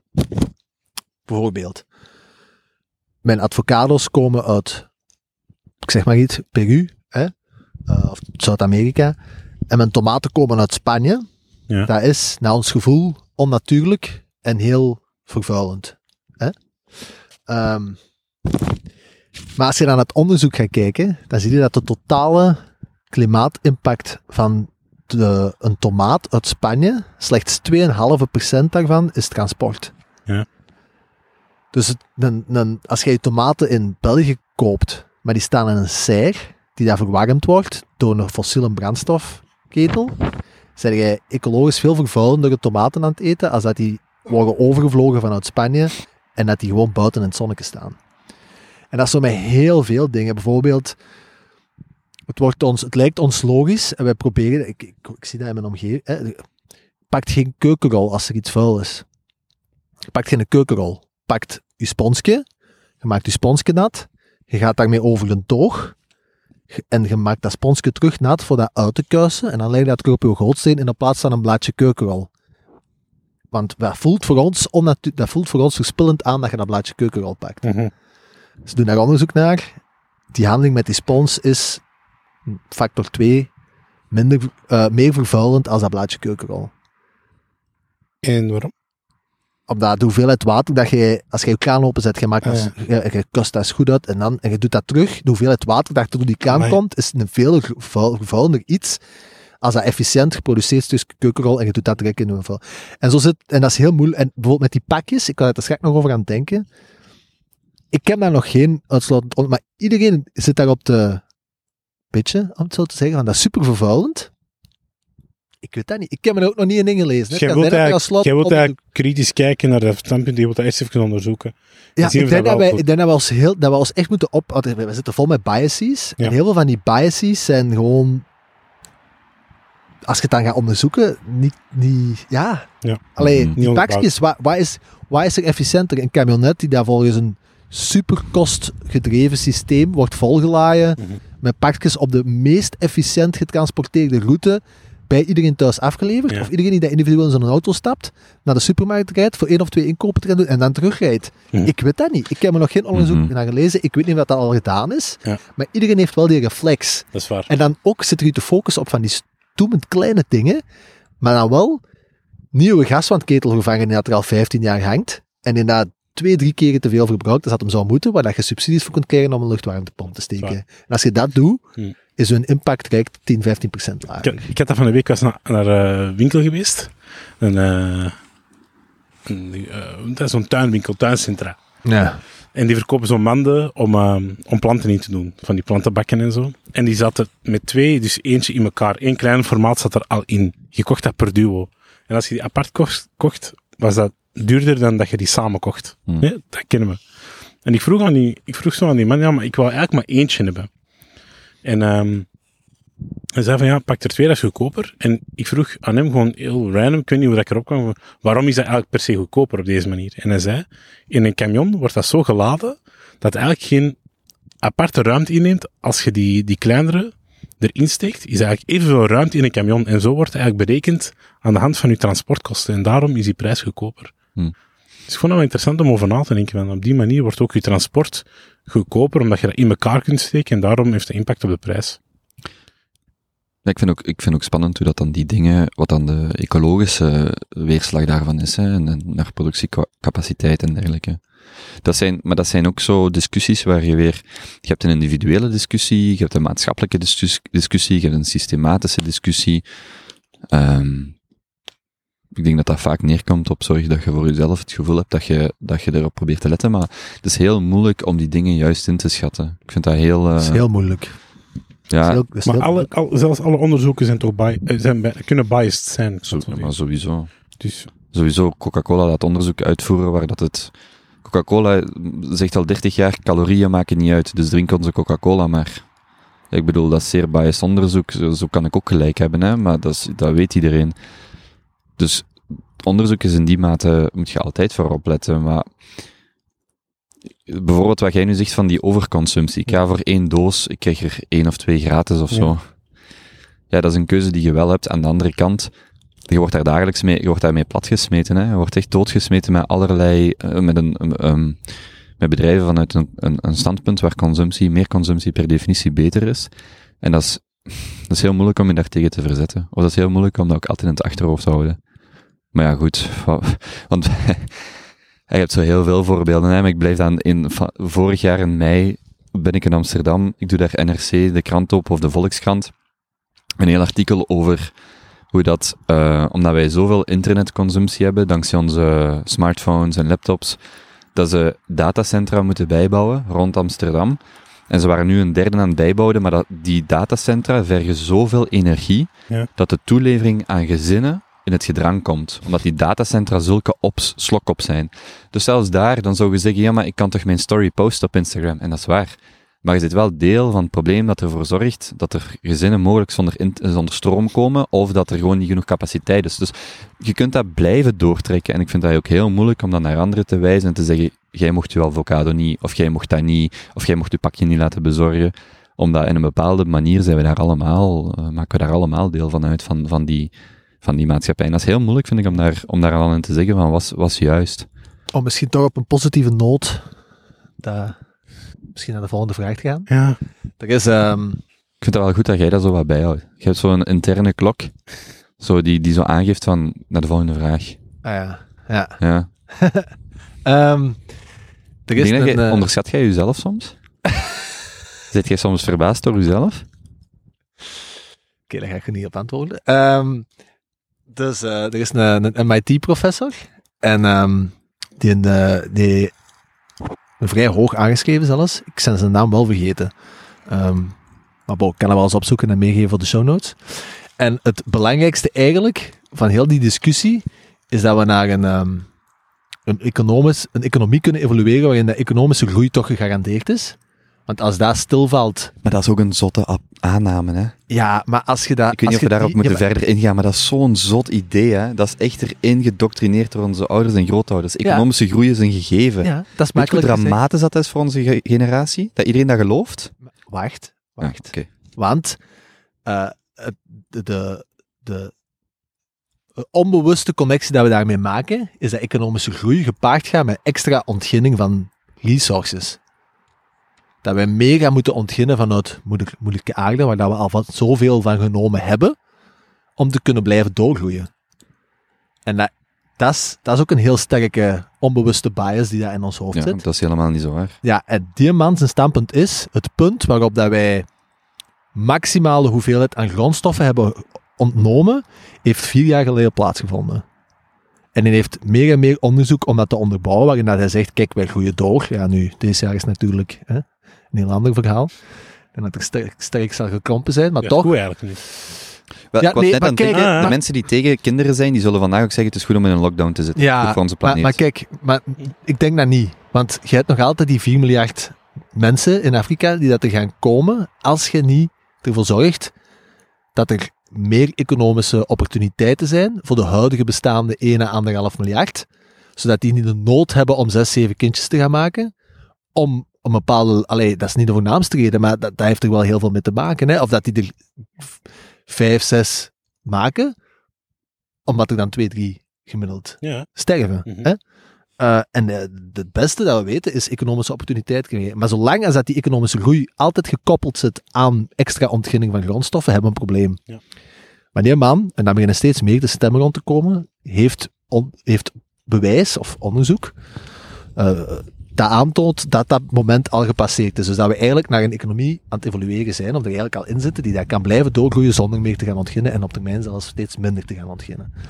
En dat is puur door meer ja, efficiënt te gaan werken op alle... ah, Je gaf één voorbeeld.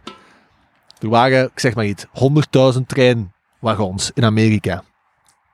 En tot een paar jaar terug waren er gemiddeld tussen de 3 à 4 spoorloos. Ze wisten niet wel dat die waren. Hè? Dus 3 à 4000, ja, waar zitten die? Ja, de, de, de, de Mike's die vergeten in, eh, in, in perron in, in, Manhattan. Ik zeg maar iets. Hè? Dus ja, die zal daar wel staan, maar we weten het niet. Twee jaar geleden zetten ze op al die 100.000 een chip die dan gelinkt is aan 4G. En ze weten altijd op elk moment waar dat die allemaal staan. En ze kunnen veel efficiëntere planningen gaan maken. Waardoor er minder moeten geproduceerd worden. Er, eh, dat soort van is over heel de economie aan het gebeuren. Veel efficiënter gebruik van de weinige, van de, van de resources dat er al zijn. En, Mhm. dus en, dat ook is wel- dat, en ook dat zal weer ontkracht worden door een andere theorie die zegt, omdat we meer technologie gebruiken, gaan we misschien net Maar meer... dit, dit is wel de belangrijkste. Dit is het, de kern, dat is het kernpunt. Hè. Economische groei kunnen garanderen met minder impact op de maatschappij. Eigenlijk een circulaire economie. Dat is, het, dat is het allerbelangrijkste vraagstuk, eigenlijk, naar mijn mening, van de komende 50, 60 jaar. Dit, de- deze week, als onderdeel van de Europese Green, New Green Deal, werd er aangekondigd dat de gascentrales niet zouden vallen onder dat wat de overgang eh, zou mogelijk maken. Dus in België de discussie over het aanleggen van gascentrales zal door Europa, als de Green New Deal in deze versie doorgaat, verboden worden. Nieuwe, nieuwe Ja. gascentrales mogen niet. Nee, maakt niet uit- deel uit van een transitie naar groene stroom, of naar, sorry, naar, naar eh, klimaatneutrale of eh, energieopwekking. Dus dat is, was zo, dat is zo'n beetje ondergedolven onder, gedolven gebleven, maar eh, als dat doorgaat, dan zitten we hier in België ook weer met een discussie. En dan is de vraag, je zit met wereldtop kernonderzoekers en mol. Zwart. Die discussie gaat de komende jaren ook nog eh, heel Ja. intens gevoerd worden. Maar er zijn zo, ja, je kunt daar, Ja. kan daar heel lang over blijven. Dat doen we misschien op de, op de, op de, de, de live show op een, een kerstmis. Een eh, glaasje whisky erbij, gewoon zo. eh. Lalle. Oké. Ehm, dan zitten we bij vraag 3. Ja, dus, Wat eigenlijk vraag 1 is. ja, nee, ik, eigenlijk omdat jullie er net al een beetje negatief op reageerden, durfde ik dit niet te zeggen. Maar er is eigenlijk nog een vraag, vraag 3. En dan vraag 4 is, heb je recent iets gelezen? Ja, maar vraag 3 is wel een leuke. Welk nieuw verhaal heb je recent horen vertellen dat goed is om aan te brengen in een conversatie? Ik heb een heel goeie. Oké, doe. Doe alsjeblieft. Ik heb een heel goeie, maar ik kan het alleen nog maar teasen en ik ga het pas binnen x aantal weken of maanden echt kunnen vertellen. Maar ik wil het toch al eens even benoemd hebben. Niet afgelopen weekend, weekend ervoor, waren Teun en Kobo komen pokeren bij mij. En ehm daar is tijdens het pokeren iets naar boven gebracht bij de twee heren. En het heeft voor een van de meest hilarische momenten gezorgd eh, in lange tijd. Naar mijn persoonlijke mening. En ik kijk er gigantisch hard naar uit dat ik het helemaal kan vertellen, maar het gaat nog even moeten wachten. Waarom weet ik deze ook niet? omdat je, omdat je op weekend waart. En daarna ook niet, nu of niet? We hebben dat niet in de groep gezet. En op wat wachten jullie om dat te zeggen? ja, dat is het probleem bij dat soort verhalen. Er zijn ook... Er zijn mogelijk meer mensen bij betrokken. Slachtoffers.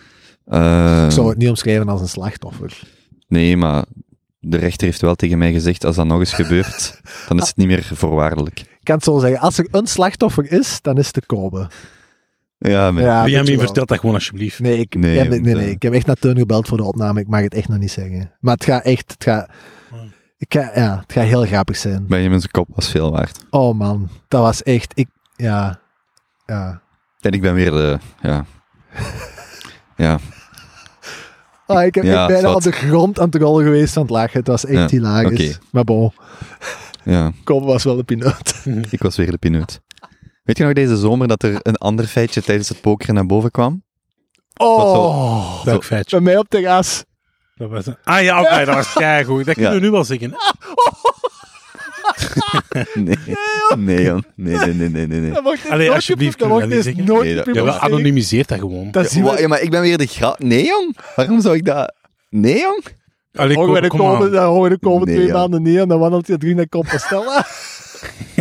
Nee, daar moet, daar moet ik over nadenken. Maar ik vind dat niet leuk. Dat is te persoonlijk. Oké. Nee, jong. Dat was dan dus ook wel echt heel goed. We vertelden dat verhaal Ik ben er en twee we doen alsof ik die persoon was. Ja, dit is echt echt slecht. van Ja, nee, jong. Gewoon niet doen, jong. Jongen, dat gaat over mijn privé, eh meest intieme... Ik heb al te veel gezegd. Nee, ik heb geen echt zo, ah, met mijn hoofd tegen de muur gebotst, omdat ik zo... ger- Ja. Ja, is wat. Oké. Ehm, hè, dus welk verhaal? Ja, dat was dat. Oké. Dan eh, zitten we dus bij vraag 4. Ziet je het? Vraag 1 eigenlijk, hè? Ja, maar dus we- zijn wel vlotter aan het gaan. Hè? We, we hebben zo het gevoel dat we meer gedaan krijgen. Heb je recent iets gelezen dat je opmerkelijk of geschikt vindt om aan de junto te communiceren, ingaande moraliteit, business, natuurkunde of andere delen van de algemene kennis? Ja, ik heb wel iets. Mag ik het zeggen? Ja. Er is een, ehm, een artikel, ik zal er aan linken, van Jeffrey Paul. Het heet Your Computer Isn't Yours. Ah, ik heb daar iets van gehoord.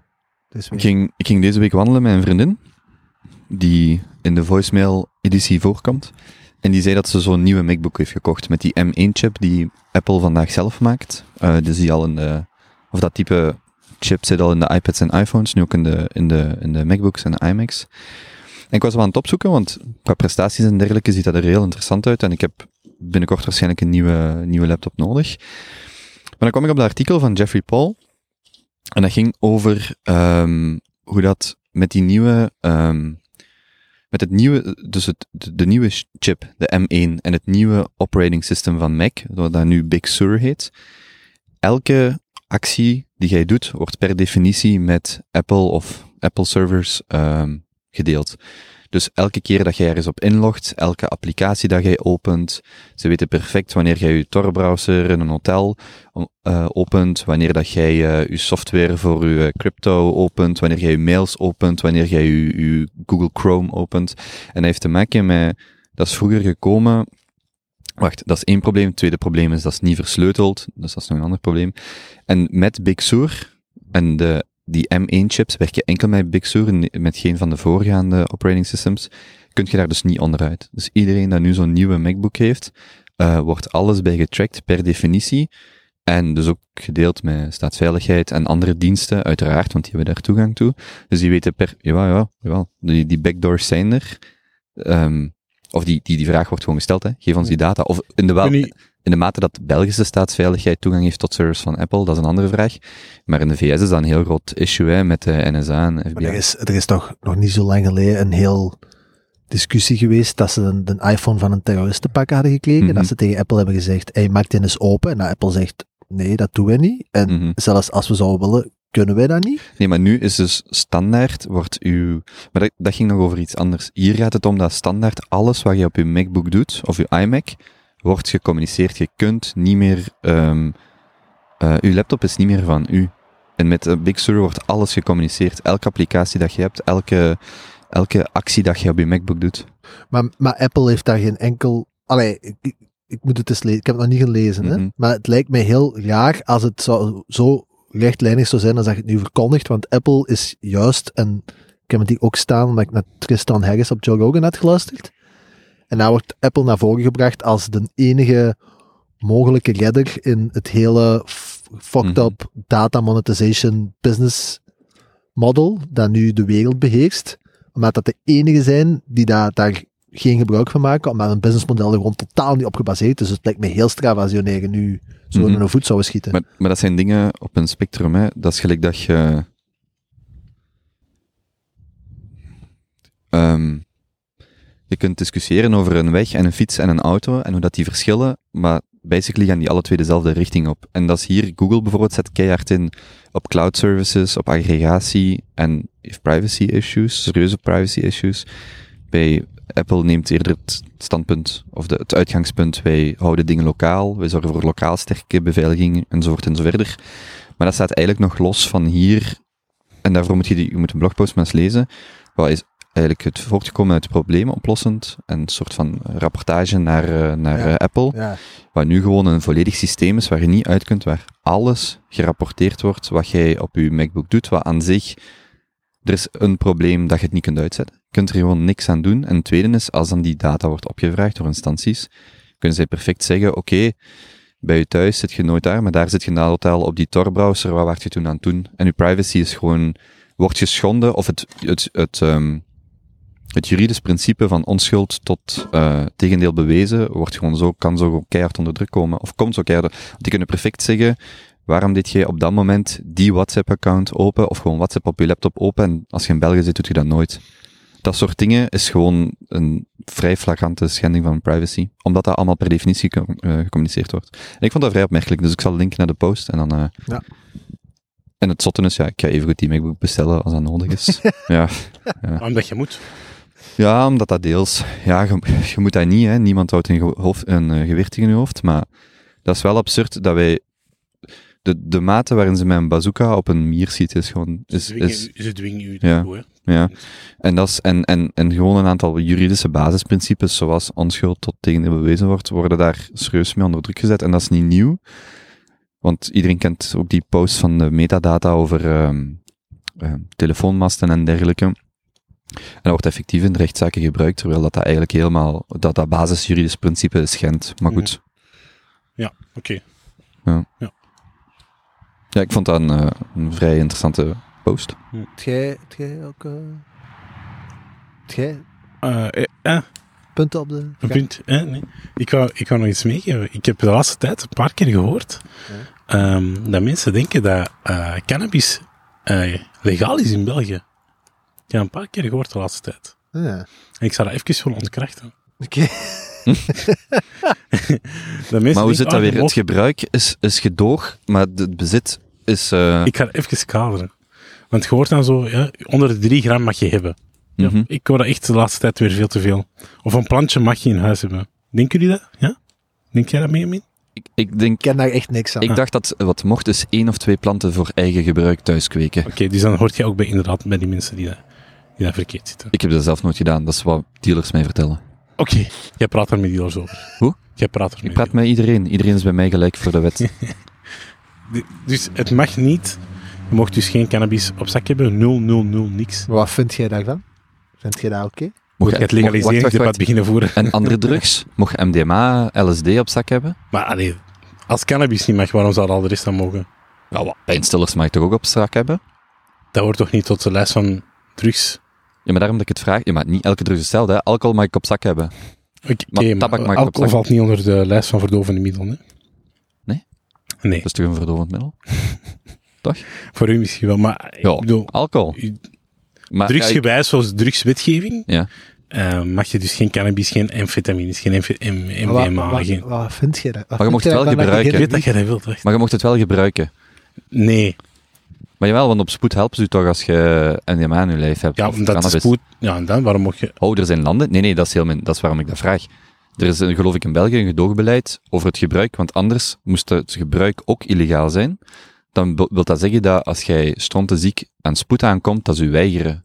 Terwijl in België wordt je behandeld omdat er een gedoogbeleid is over het gebruik van Maar cannabis. op, op dat moment gebruik je niet meer, hè. Als je Nee, nee, Ja, nee, maar je aankomt, niet meer aan het gebruiken. nee, nee, maar, ja, maar Dat is Nee, hebt anders. Dan Ja, heb je gebruikt, dat is verleden tijd. Dat is niet meer strafbaar op dat moment. Dan is het al gebeurd. Ah, zo werkt dat. Ja. Dus enkel als je betrappen. Dus wacht. Dus als ik iets op zak heb, moet ik dat gewoon snel afslikken en dan is er geen probleem. Zo, Dan dat slik je dat in, jawel, dan slik je dat in. Ja. En als je dat dan inslikt, dan kun, kan eventueel een onderzoeksrechter eh, eh, dwingen om een onderzoek aan het lichaam uit te voeren. Ja. Maar dat gaat bijna nooit gebeuren. Dus ja, in C kun je dat gewoon inslikken en heb je niet meer op zak. Maar, ja, maar die effecten daarvan zijn toch nog... Ja, maar dat is iets anders. Dan zit je onder invloed, dan zit je in openbare dronkenschap of geïntoxiceerd. En dat is ook strafbaar, maar dat is een Ah, ander dat is een ander. Dat is bestuurlijk, dat is niet gerechtelijk. oké, oké. Ja, want ik dacht al, als ik iets slik en dan met de auto rijd, dan mag toch ook niet, ook al is die data uit het verleden. Ja, maar dat verkeer is nog een ander stuk. Verkeer is een... Allee, alles rond autorijden of een fiets, dat mocht je nooit onder invloed doen. Alcohol of maakt niet uit. Nee, ik begrijp wel waarom. Ga je nou nog zeggen wat jij daarvan vindt? Wat ik daarvan vind? Ik vind ehm, dat, ehm, en ik spreek er soms over met mijn studenten. ehm, stel, Benjamin, als jij een joint achter het stuur hebt gerookt gisteren, eh, of je hebt thuis een joint gerookt en gaat nu rijden, en ik ben een politieagent en ik zie in je ogen dat jij stoned bent, of misschien, je hebt dat gisteren ge- gesmoord, je hebt een ongeval, en eh, jij geeft spontaan toe dat jij drugs hebt gesmoord, of ik zie nog restanten liggen in de auto. Dan heb jij 15 dagen rijverbod. 15 dagen. En heb jij een boete die over de 1000 euro gaat en een procesverbaal naar de, naar de rechtbank gaat. Voor dat stuk. Omdat jij een joint hebt gesmoord gisteren. In het verkeer.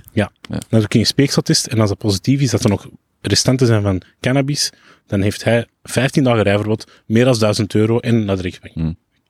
Als jij hebt, als jij hebt gedronken, vier pintjes, zes pinten, wat, waar dat je even hoe echt keizat van kunt zijn op dat moment, op dat ogenblik, heb je misschien maar twee uur rijverbod, vier uur rijverbod. Dat is echt absurd. Ja. Terwijl dat je gisteren een joint hebt gesmoord en nu niks meer voelt, zit dat nog in je lijf.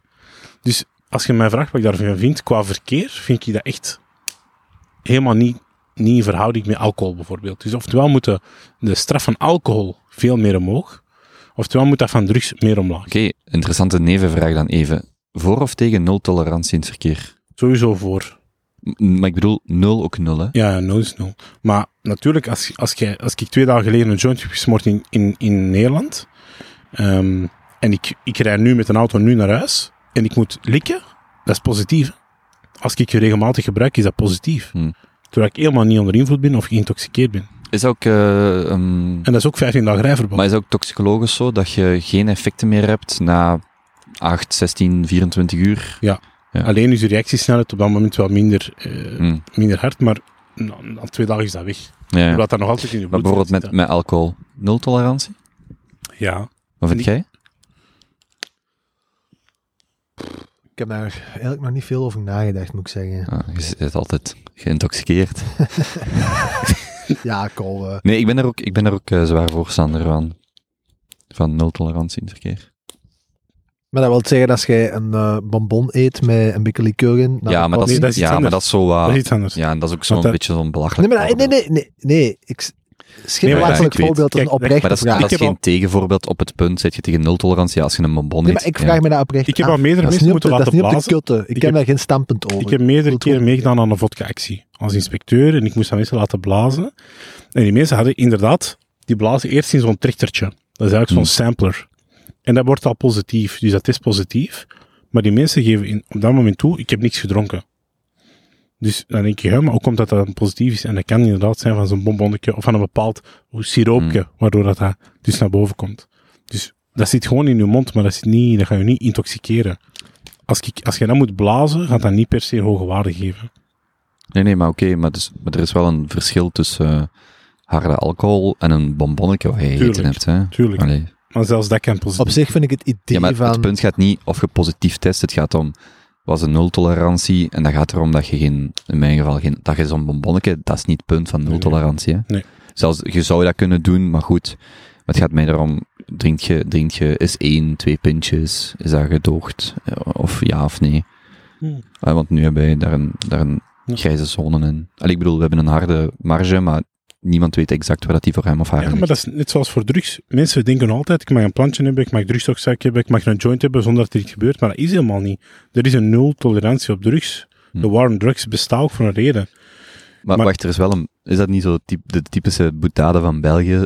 Die Nederlanders zeggen van Nederland, strenge wetten, strenge controle. Ja, België, strenge wetten, amper controle. ja en dat is, Dat is, iets exact, je- en dat is het probleem. Dat is toch een echt Belgisch Maar- probleem. En dat is exact het probleem. Als je een joint op zak hebt, dan kan ik als politieambtenaar u perfect ehm, ja, oppakken, hé, arresteren, Hmm. bij wijze van spreken. Ehm, maar ik ga dat niet altijd doen. Maar ik zou dat perfect kunnen. Maar, Hmm. ik, kan, Maar- ik ga dat niet doen, omdat dat gewoon keiveel werk is. Hmm. Om dat te doen. Jos heeft het idee van dat wij op de zomer als collectief in een kerken aan het drinken zijn op terrassen doorheen heel de stad. Ja. Maar dat als er iemand op datzelfde terras niet zou liggen drinken, maar een joint, joint smoort. Ja. En dan daarna voor die joint zou kunnen opgepakt worden. Ja. Vind ik persoonlijk wel een beetje achterhaald. Dus jij zegt legaliseer drugs, Ja, eh, cannabis. naar mijn idee de meeste wel, ja. Ik denk dat wel. En eh, er zijn een paar voorbeelden, hè. Portugal heeft dat nu gedaan. Ik denk dat er gewoon naar drugs in het algemeen een vrij hypocriete houding Ja. is door Ja. overheden, België, Europa. En gelijk vooral in de States en zo, jongens. Als je Ja, ziet hoeveel van die, mensen daar in de zwarte, van die zwarte mensen die Ja. daar levenslang hebben voor begot. Ja, een paar joints gedeeld. Allee, dat, dat, dat slaagt op. En zeker nu, hè, want met de laatste verkiezingen, dat is dan zo wat onder de hele Biden-Trump dingen gegaan. Maar in een keiveel staten waar dat nu weer gelegaliseerd is, Ja. en 10% van die jonge gevangenisbevolking zit vast voor wiet. Wat ga je daarmee doen? En ook een vervelend gesprek, hè? Tuurlijk. Maar ja, gast, je zit in een bek voor nog 10 jaar. Voor wat? Voor iets dat nu... Je kijkt tot het raam en je ziet een gast een joint paffen, waar dan een flik passeert. je wordt wel een martelaar op die manier. Ja, maar zo zijn er veel. Maar dat werkt niet retroactief, hè? Als je een straf hebt gekregen, heb je die gekregen. Ja, niet eens vrijgelaten worden. Ja, je zou mogelijk... Ja, Want de wetten veranderen door, door in de tijd, hè? Ja, als je de centen hebt voor procedures, zou je daar misschien nog iets van kunnen maken. Maar ik denk wel dat wat drugs aangaat, zo, dat dat, ja, dat dat gewoon, dat dat wat absurd is in verhouding tot alcohol en drugs die wij, tabak, alcohol, waar dat wij niet zo naar kijken. Drug- tabak is nog iets anders. Hoe laat is het? Tina Turner. Eh, Kwart aan negen. kwart na negen. Goed. Ehm, ik had ook nog twee antwoorden Hm. op, die, op die vraag. Het eerste is een... eh, En dan hebben we nog die opmerkingen van luisteraars. hè. Die moeten we er nog bij pakken. eh, het eerste is een, ehm, een, een luchtig, luchtig weetje. Ik heb dat een week gehoord. Ik vond dat heel schattig. Varkentjes, varkens, die kunnen de lucht niet zien. ja, dat is toch schattig? Zie? Kunnen de lucht niet Nee? zien? Die kunnen niet naar boven kijken. boven kijken. Die hebben iets in hun nekwervels. Die kunnen gewoon niet, die kunnen niet met hun hoofd zo doen. Ja, dat was schattig. Dat is- Dat is toch schattig? Die, de varkens zien nooit de lucht. Die gewoon echt altijd... Tot een bepaalde leeftijd? Of Nee. nooit? Blijkbaar Maar nooit. je kunt toch rechtdoor kijken, zo? Ja, als je dat dan opheft, of die zouden op een We gaan dat staan, doen, zo'n collectief varken. Of je legt die op rug. luchtmomentje zo. Dan hebben we die... Ah! maar ja, dat- nee, die kunnen de lucht niet zien. Oké, dus dat is het luchtige. Waar komt je zo'n beetje tegen? Met de slager. Nee. Iemand, een vriendin zei, hè? Wat de... Ah, Gewoon een leuk weetje. Oké, en dan... een vriendin zei dat. Ja, Wel- Welk type vriendin vertelt u dat varkentjes, varkentjes voilà. nooit omhoog... schattige, een schattige vriendin. Ja, schattig. Kei schattig. Oké, oké, mooi. Ehm, en dan het andere, eh, meer in de business context. Ons CRM-pakket, Customer Relationship Management pakket, Wat is dat? dat is waar je al je klanteninteracties bijhoudt. Wat heb je? Teamleader, Pipedrive, Pijmder. ken je dat? Uh, nu wel. Dus dat is ehm, vrij zot. Ik kreeg een week een mailtje. Ja, eh, beste klant, wij zijn eh, een nieuwe kapitaalronde afgerond. Wij zijn nu een unicorn. Dus een unicorn is een bedrijf dat meer dan een miljard waard is. eh, en dan nog een start-up is. Waar dat dan de juiste definitie van is, ik weet niet. Maar zo, in Amerika zijn er zo heel veel. In Europa heel wat minder. En toen zag ik beetje later op mijn Twitterfeed een, eh, tweet passeren waarin dat een, een man zei, met de, late, met de latest Pipedrive deal heeft Estonia, dus Estonia, een land van 1,5 miljoen inwoners, zijn de vijfde unicorn eh, te pakken. Dus die hebben op een, op een land van 1,5 miljoen inwoners vijf technologiebedrijven die dan meer waard zijn als een miljard en die daar, denk dat de definitie jonger is als 10 jaar of zo. Dat is veel dan. Dat is ongelooflijk. Ah, ja, dat is niet, absoluut dat zo, als je dat dan, als je dat dan in een curve zou zetten Ja. van de hoeveelheid inwoners en hoeveel unicorns, Ja. is dat echt zo, echt verticaal Hoeveel naar boven. Om een er? idee te geven, een stad, Barcelona, Eén, denk ik. Eén, eh, twee. twee nu. Twee, twee. nee. Eh, Barcelona is een stad van 1,6 miljoen inwoners. Hè? En heel Spanje heeft één unicorn. Dat is een rare vergelijking. Maar om een idee te geven, Barcelona is dus... De stad Barcelona is groter dan het land Estonia. En Zeg eens Heel- Estland. Is het Estland? Ja, Mhm. Eh, ja. Dus ik vond dat echt zot. Dat is echt... En ik ben daar nou wel over aan het inlezen geweest. Dat Ik is kon naar- ik kon naar super- Maar Estonië. Estland, Ik kon naar. Estland. Ik kon naar Estonië. Ik vind wel, Estland is echt wel, alles wat digitaal aangaat, dat is echt een zot Ja, jongens, ik ben daar wel over aan het lezen. Ja. Dat is echt maf. Die zijn echt gewoon mijlenvol. En dat is Mhm. een, dat is een oude Sovjet- Die- die- premier, die president of premier, die maakte zo de opmerking van, ja, we moeten dus van uw BBP, als je lid bent van NATO, moet je 2% van uw BBP, ik geloof 2%, aan eh, NATO spenderen, Ja. aan de, ah, sorry, aan defensie spenderen. En die maakte zo de grap, omdat wij zo dusdanig doorgedreven digitaal zijn, kleinere overheid, eh, efficiënter apparaat, mensen stemmen bijvoorbeeld digitaal, zelfrijdende auto's zitten daar al in de voorlaatste fase, zo al die dingen zitten daar heel goed geregeld. Ik zeg zo, wij krijgen gratis bescherming, want we hebben meer dan 2% overschot. Nee. Dus heel ons NATO-budget is gewoon het is gratis voor ons. We, krijgen, we zien gratis straaljagers overvliegen van... eh zo, dat was zo een beetje om daarmee te lachen, maar die zijn dusdanig digitaal doorgedreven. Dat is ook zo in Estland, die hebben dan in 2012, denk ik, zo e-residency, dat je daar een vennootschap kunt oprichten in ze- 17 minuten. Dat is zo het record. Super interessant. Alles digitaal, je volledige boekhouding. Dat, dat land staat kei, kei ver voor. Vlaktax, dat staat heel ver voor. Ver voor op veel eh, verschillende vlakken. Maar ik vind dat zo boeiend, want ik, was er van de week over aan het nadenken over die verkiezingen in Amerika. Waarom dat alles nog met papier is. Ja, Ik begrijp dat niet. Kunnen jullie dat voor mij Weet je, weet je wat ik heel graag zou willen zien, om daar even op in te gaan? Een systeem, want die, dus die polls is iedereen kotsbeu tegen tot nu toe, want niemand, allee, die, Ja. die hebben het nooit juist. Zo prediction markets zijn wel heel interessant, maar daar kan ik misschien ook over vertellen als u dat interesseert. Maar wat ik graag zou willen doen, is een systeem waarin ik mijn stem registreer, vandaag, van ik ga in 2024 voor die partij stemmen. En dat ze dus eigenlijk al constant zien waar, voor de mensen die dat willen doen, waar gaan mensen zo allemaal naartoe. Zo, ik zou dat nu al vastleggen. Als dat digitaal kon, ik log ergens in met mijn identiteitskaart en ik ga gewoon nu al op een partij bijvoorbeeld stemmen. Gewoon om die partijen al wat verant... Ja, weg van de pols, hè. Dus Ja. gewoon een beter systeem, transparanter. Ik zou nu al een stem vastleggen. En dan gewoon, zodat die partijen al direct zien, en dat is wel moeilijk, hè, want je weet niet wie op de lijst gaat staan, maar je moet er een beetje over nadenken, dat doe je dan op partijniveau. Dat die nu al zien, ah ja, wacht, slaat dat eigenlijk wel aan wat dat wij aan het doen zijn. En dat vind ik wel, dat zou ik graag willen kunnen. Dus een soort van partijkaart hebben eigenlijk al, maar dan iets laagdrempeliger. Ja, bijvoorbeeld. Zonder dat het echt... Het is gewoon al... Ik ga, mijn stem gaat die richting uit. Ja. Die partij. Ik zou dat super cool vinden. Dat zo politici... Of dat, dat dat dan in plaats van polls, door experts die niet weten waar het over gaat, dat wordt dan gepubliceerd. Maar dan zo... Nee, nee, nee. Gewoon... Dit is al de data van de mensen die zich geregistreerd hebben, die hun stem eigenlijk al vast ligt, Ja. tenzij ze die nog veranderen. En als er dan zoiets gebeurt, of iemand doet een stomme uitspraak, En zo dat je dan zo ziet dat dat verandert. Ja, bijvoorbeeld. En dat zou veel... Volgens mij is dat een gat in de markt. Ja, ja, dat is... Volgens mij kan ik hier een unicorn van worden. mm, mm. je kunt het proberen. De derde van België. Ja, ja. Oh, Jozef. Oké, Ik zal voor 2500 euro wel aandelen kopen. nice. 20%. Oké, cool, ja, met een goed idee. Ja. En er was nog zo heel spannend, ehm, deze verkiezingen. Dus je hebt polls en je hebt prediction markets. En prediction market, markets zijn letterlijk websites waar je naartoe gaat. En daar zeg je, ik stem 100 euro, of ik, eh, ik maak eigenlijk een wet. Eigenlijk zijn dat gewoon Jullie weddenschappen. Ja, bijvoorbeeld. Maar er is een specifieke term voor prediction markets, wat dan meer over het mechanisme daarachter gaat.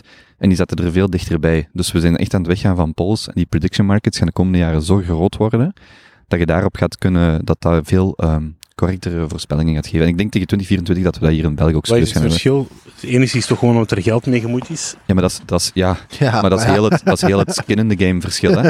Je kunt wel zeggen, dat is, dat is bijvoorbeeld van 2016, maar ook dit jaar weer een stukje onderschat is. Je hebt zo, eh, ik denk dat de technische term is ehm, pref- ehm, preference falsification.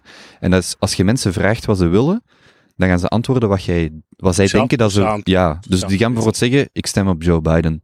Maar in het hokje, of ik stem op Hillary Clinton, want dat is in 2016 was dat een groot Ja. probleem. Of een situatie. Ik stem op Hillary Clinton, want er gaat niemand mee aanvallen. Ja. Maar in het hokje stem ik op. En zo, of ik stem op Bart de Wever, eh Conor Rousseau. Maar in het hokje stem ik Vlaams Belang of PvdA. Want, hè. Maar als, als ik u zeg, leg eens 100 euro in een schaal, voor wie dat jij denkt, dan, dan houd je mensen veel correcter bij, bij een, eh, bij een Is er- predictie. Is er niet een verschil tussen wie dat jij denkt dat gaat winnen en voor wie dat jij zelf wilt stemmen? Want dat is toch nog een groot verschil. En daar, daar wringt het schoentje. Ja, ja, maar als het bijvoorbeeld gaat over wie wordt de grootste partij van België, Ja. of van Vlaanderen, een Vlaamse regie, in de Vlaamse kieskring. Ja, en ik ben een PvdA-stemmer, bijvoorbeeld. Ja. Dan ga ik waarschijnlijk niet 100 euro PvdA zetten, Nee, maar waarschijnlijk op. NVA of Maar dan is de vraag, is het interessanter om te weten dat jij voor PvdA zou stemmen? Of is het interessanter om je te vragen van de 100 euro die je hebt, op wie wet je dat? En aggregeer die beide data. Ik wil veel liever het tweede weten dan ja, dat jij in een poll zegt dat je op die zou stemmen, who the fuck cares? Want ik wil weten wat uiteindelijk het resultaat zou worden. En dat jij in een poll PvdA 15% heeft, maar in een prediction market maar 2%, ja, dat is veel interessanter om, om voorspellingen op te gaan maken. Maar en je al- ziet dat nu bij de Amerikaanse presidentsverkiezingen zijn die prediction markets, want die zijn nog, dat is nog allemaal heel jong en dat is nog niet zo... Dat is best interessant hoe dat alles zich ontwikkelt. Ehm, maar na 2024 gaan we dat hier in België ook zien, die prediction markets. En, en er gaan gewoon websites zijn, hè, die dat aanbieden. En ja, ik, ja, ik wil daar ook al direct aan zo, oké, ja, zo en zo. Dat is super cool. Mhm. Bijvoorbeeld, bijvoorbeeld, je kunt een prediction market maken die Vlaams nationalistische meerderheid, eh, Vlaams niveau, ja, ja of nee. En als je mensen dwingt om daar geld op in te zetten, dan denk je veel beter na over, ja, gaat dat wel effectief zo zijn? En dat geeft je een veel correcter resultaat. Jij bent eigenlijk weer gewoon gewin aan het maken op... eh jij bent eigenlijk gewoon, hoe het? Ik vergeet altijd dat woord, hè. hoor. Ik vergeet dat ook altijd. Nee, ja, maar jij zegt het. Eh, ja, arbitreren. Jij bent eigenlijk gewoon, gewoon aan het arbitreren op mensen hun emoties. hè. Nee, ik vind dat mooi. Ja, natuurlijk vind jij dat mooi. Ik was vandaag met iemand gaan wandelen en die zei, Kobe, ik ben uiteindelijk verhuisd, want weet je nog dat wij een weddenschap hadden? En ik zo, ik was het eigenlijk vergeten. Allee, ik herinnerde mij dat we de- dat gesprek hadden, die zo, ja, ja, ik moest u 500 euro betalen als ik niet voor die datum verhuisd was uit die plek. En dat was ook zo wel een goede reden om te verhuizen. En ik zo, Maar ik dacht dat jij dat allemaal goed samenhield, bijhield. ja, maar dit was zo'n neven, ja, maar dit, dit is niet van hoor. Hmm. Het was wel een vraag van een luisteraar trouwens. We moeten nog eens een website maken met alle weddenschappen. Ja, ja. Toen. Je hebt toch tijd. en uw eigen, uw eigen soundboard ook.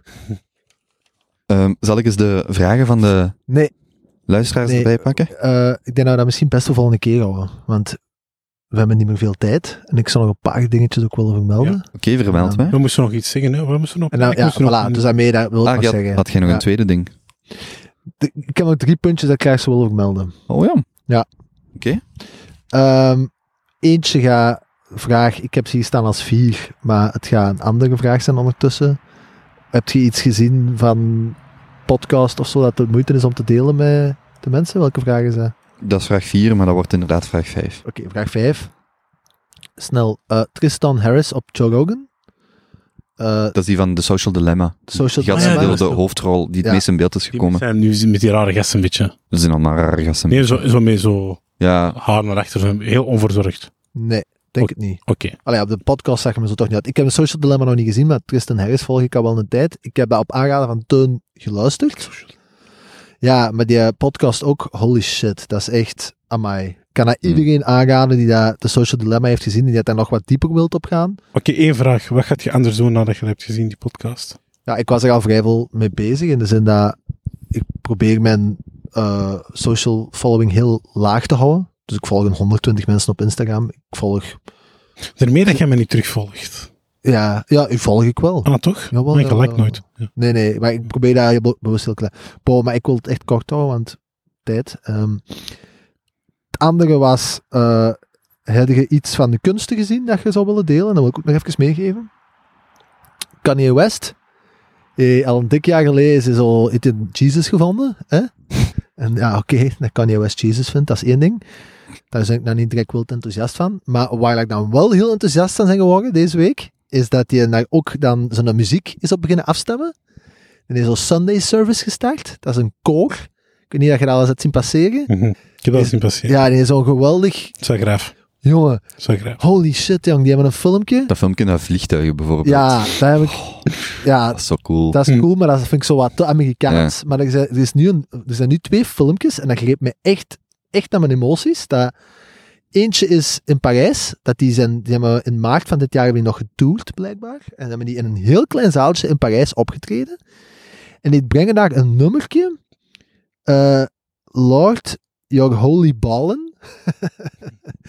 en dat is zo goed. Dat is echt, dat is bangelijk. Die staan daar in een cirkel, alleen stemmen en een hele funky pianist. En de gast die dat die staat te leiden. En dat is echt... Ja, ik, zei, ik heb dat vorige week gezien. Dat kwam bij mij echt binnen. Ik raad iedereen dat aan. En zet dat ook in de show notes. Zal het doorsturen als je wilt. Als je het mij doorstuurt. Ja, dat is zo gaaf. Eh gigantisch een aanrader. En tweede daarvan, eh, die doen dat ook in de Canees in een tuin. Die heeft een echt een klein kerk gebouwd met een heel grote lichtkunstenaar. En Sia, die heel bekend. Ik hou echt van haar. Ja, dus die no Kanye nodigt dan al zijn Los Angeles eh, famous buddies uit om mee naar de naar zijn kerk te komen. En die brengen dat nummer daar ook onder een, mijn deuntje van een van de bekendste liedjes van Sia. En die Sia die komt toch nooit met een gezicht. Hè? Mhm. En die staat daar. En ze zijn aan het filmen vanuit het publiek. Als je ingeeft S Sunday Service Sia. eh, en die beginnen dat nummer te zingen. En die Sia, die, die, die, die gaat daar zo in mee. Want ja, dat is een eigen deun met andere teksten Ja. En die begint mee te zingen. En je ziet zo, vanuit een hoek dat ze dat filmen, dat die mensen die dat aan het zingen zijn van dat koor, die horen dat Sia achter hun staat. En dat die begint mee te zingen. En die beginnen zo echt... Ja, Kom aan, kom aan, kom meezingen, kom Hmm. meezingen. En die, op een gegeven moment wordt hij dan overtuigd en klopt hij dan toch gewoon in de normale jogging outfit op een zondag, klopt hij op dat podium en begint hij mee te zingen. Holy shit, dat, dat, is ook, dat komt ook echt, echt binnen. Ik vond dat heel gaaf. Dus dat wil ik nog even meegeven. En als laatste, waar dat wij ons nuttig mee kunnen maken. Hmm. Goeie maat van ons, Franco. Ehm eh, werkt bij Too Good To Go. Is zelfs country manager geworden van Too Good To Go. Dus eigenlijk CEO van België. Ik vind Too Good To Go een heel cool bedrijf dat heel coole dingen doet. En die zoeken eh, een nieuwe head of success. Ehm, wat dat Franco zijn vorige functie was. Hmm. Waar eigenlijk erop neerkomt dat je het, eh, het sales team aanstuurt. B2B en B2C relaties. Ehm, en die zijn er al een hele tijd naar aan het zoeken. En die had in de week gevraagd of dat wij eh, iemand wisten. Ik wist niet iemand, maar ik dacht misschien via dit platform. Ehm, want dat is wel echt een heel cool bedrijf. Die doen echt Zoals een goede goede dingen. adverteerder klinken. Begin van de podcast. Maar ja, eigenlijk wel. Ik weet niet wat in Misschien moet je advertentie volgende keer op voorhand even vragen voordat je... Hmm. Ja, nee, dat is eh, denk ik een... Die, eh, is dat Sint-Niklaas of Gent dat die zitten? Gent, Gent. hè? Gent. Ja. dus iedereen die daar Too Good To Go ook heel cool, heel cool vindt. En, eh, Wat is zijn eh, e-mailadres? Wie moet ze contacteren? ja, ik denk als je gewoon Too Good To Go ingeeft eh, en dan Head of Success, of ik kan het ook doorsturen Hmm. voor in de show notes. Maar je moet een sales achtergrond hebben of zo. Of een marketing-achtig. Eh, ik denk dat je twee jaar ervaring moest hebben met teams aan te sturen. Nee, maar ik moet gewoon gemotiveerd zijn. Ja. Ja, het juiste profiel hebben, hè. Voilà, dat is het. Oké, misschien nog... eh, we gingen dat nog, nog vermelden. Eh paintball. Stuur een foto Ah, ja. naar hi.kobe.show. HI. Er zijn nog twee plekken. Benjamin, jij gaat de polsen beschrijven. Ah ja, ja, juist. Eh, dus je moet een foto maken, of gelijk als de beste inzending tot nu toe, een 3 à 4 tellend document met beelden en tekst over welke gevoelens, emoties en vreugde of verdriet dat er door je heen gaat gaan als je de Kobe recht op eh, zijn Adamsappel hebt geknald met de paintball. Ehm, ja, dat is denk ik. Zalig. Ik heb, ehm, kijk, we hebben nog vijf minuutjes om snel die, eh, zo, zo'n rapid fire ronde te doen. Oké, dus dit, ik ga er zo'n vijftal vragen. Eh, even kijken. Leukste hoofdsteden van Europa om naar te rijden? Om naar te rijden. Goh, Parijs. Parijs, ja. Parijs. L'amour. Bangelijk. Ehm, Amsterdam. Maar met een trein, hè, Parijs. Ik zou- Zo goed. ik zou rijden, Wenen en even Ljubljana bezoeken. Dat is al iets verder, maar Ljubljana is echt wel een tof stadje om een paar dagen te zitten. Nieuwjaarsplannen. Nog niet. Eh, 28 december gaan wij met het gezin eten. Ik denk dat dat zo wat tussen kerstmis en nieuwjaar valt. En de rest is ook onzeker. Ja, en hopelijk een Junto live. We gaan dus wel een. Junto live doen. Ja, Ja, ik ga ja, dat wel doen. Ik zou dat graag willen Als doen. mensen ideeën hebben over... Ik wil mij je verkleden. Maar niet live, hè, joh. Jawel, jawel, live. Niet Op live. Zoom of zo. Maar live is wel- of Teams. Nee, joh, we moeten Nee, dat... nee, maar nee, dat is, dat moeilijk, maar dat gaat wel. Ik, Ik zal eens dat kijken. Niet live. Ik wil dat graag organiseren. Niet live. Allee, oh jong, kom aan jong. Ik ken dat, er zijn een paar van die flessen ge- gepopt en eh, voordat je het weet... Maar jij hebt zoveel schrik van jezelf. Ja, maar... Maar ja, terecht, hè? Terecht Ja. ook. Ja, maar als ja. je wat flessen gedaan en gewoon, hey, ik ken mijn eigen, ja. Ja. Gaan dingen gezegd Maar dat echt- jij ook heel veel spijt van zou kunnen hebben. en dan begint hij rond te knuffelen, hè. Ja, ja, dat is wat. Zalig. Oké, maar daar, dus we doen wel een Junto-opname. We gaan nog zien. eh, Oké. Eh, dan vroeg iemand over de mentale gezondheid van tieners en meer, maar we hebben er een stukje Dat over gepraat. Dan vroeg iemand privéprojecten en voltijdse job, maar dat zullen we een andere keer beantwoorden. Must read. Als je één, één boek voor volgend jaar te lezen. Ik, ik, Kunst van het geluk van Howard C. Cutler en de Dalai Lama. zeer mooi. Ik blijf achter mijn eh, de meeste mensen deugen staan van Rutger Bregman. En ik ga zeggen The Prophet van Khalil Gibran in het Engels. Niet de vertaling lezen. Die sukt. Dan, ehm, welke weddenschap er momenteel lopen, lopende zijn, Daar moeten we een website voor maken. Tegen de volgende aflevering staat die website live. Heel snel even denken. ehm, zelfrijdende auto's is een weddenschap. Met, u, met Benjamin, Jonas en Davy en ik. Dan hebben we nog een weddenschap over de portfolio van 100.000 euro. De virtuele portfolio, die we op het einde van het decennium bepalen. Dan hebben we nog een weddenschap, Jozef en ik, over ehm, de Vlaams nationalistische meerderheid in 2024. Dan hebben we nog, Benjamin en ik hebben een weddenschap over het feit dat we een Junto-opname mit, min- minus corona, maar dat zie je wel, voor 500 man live gaan doen binnen drie of vier jaar. Dat is ook een weddenschap. Die gelooft dat niet. Dan, dat is de, v- 500 man, jongen, weet je wat dat is? Eh, en dan, ehm, ik denk dat er nog zijn ze. We moeten eens over Je nadenken. moet dat echt online zetten, hè? dat is echt Ja. belangrijk.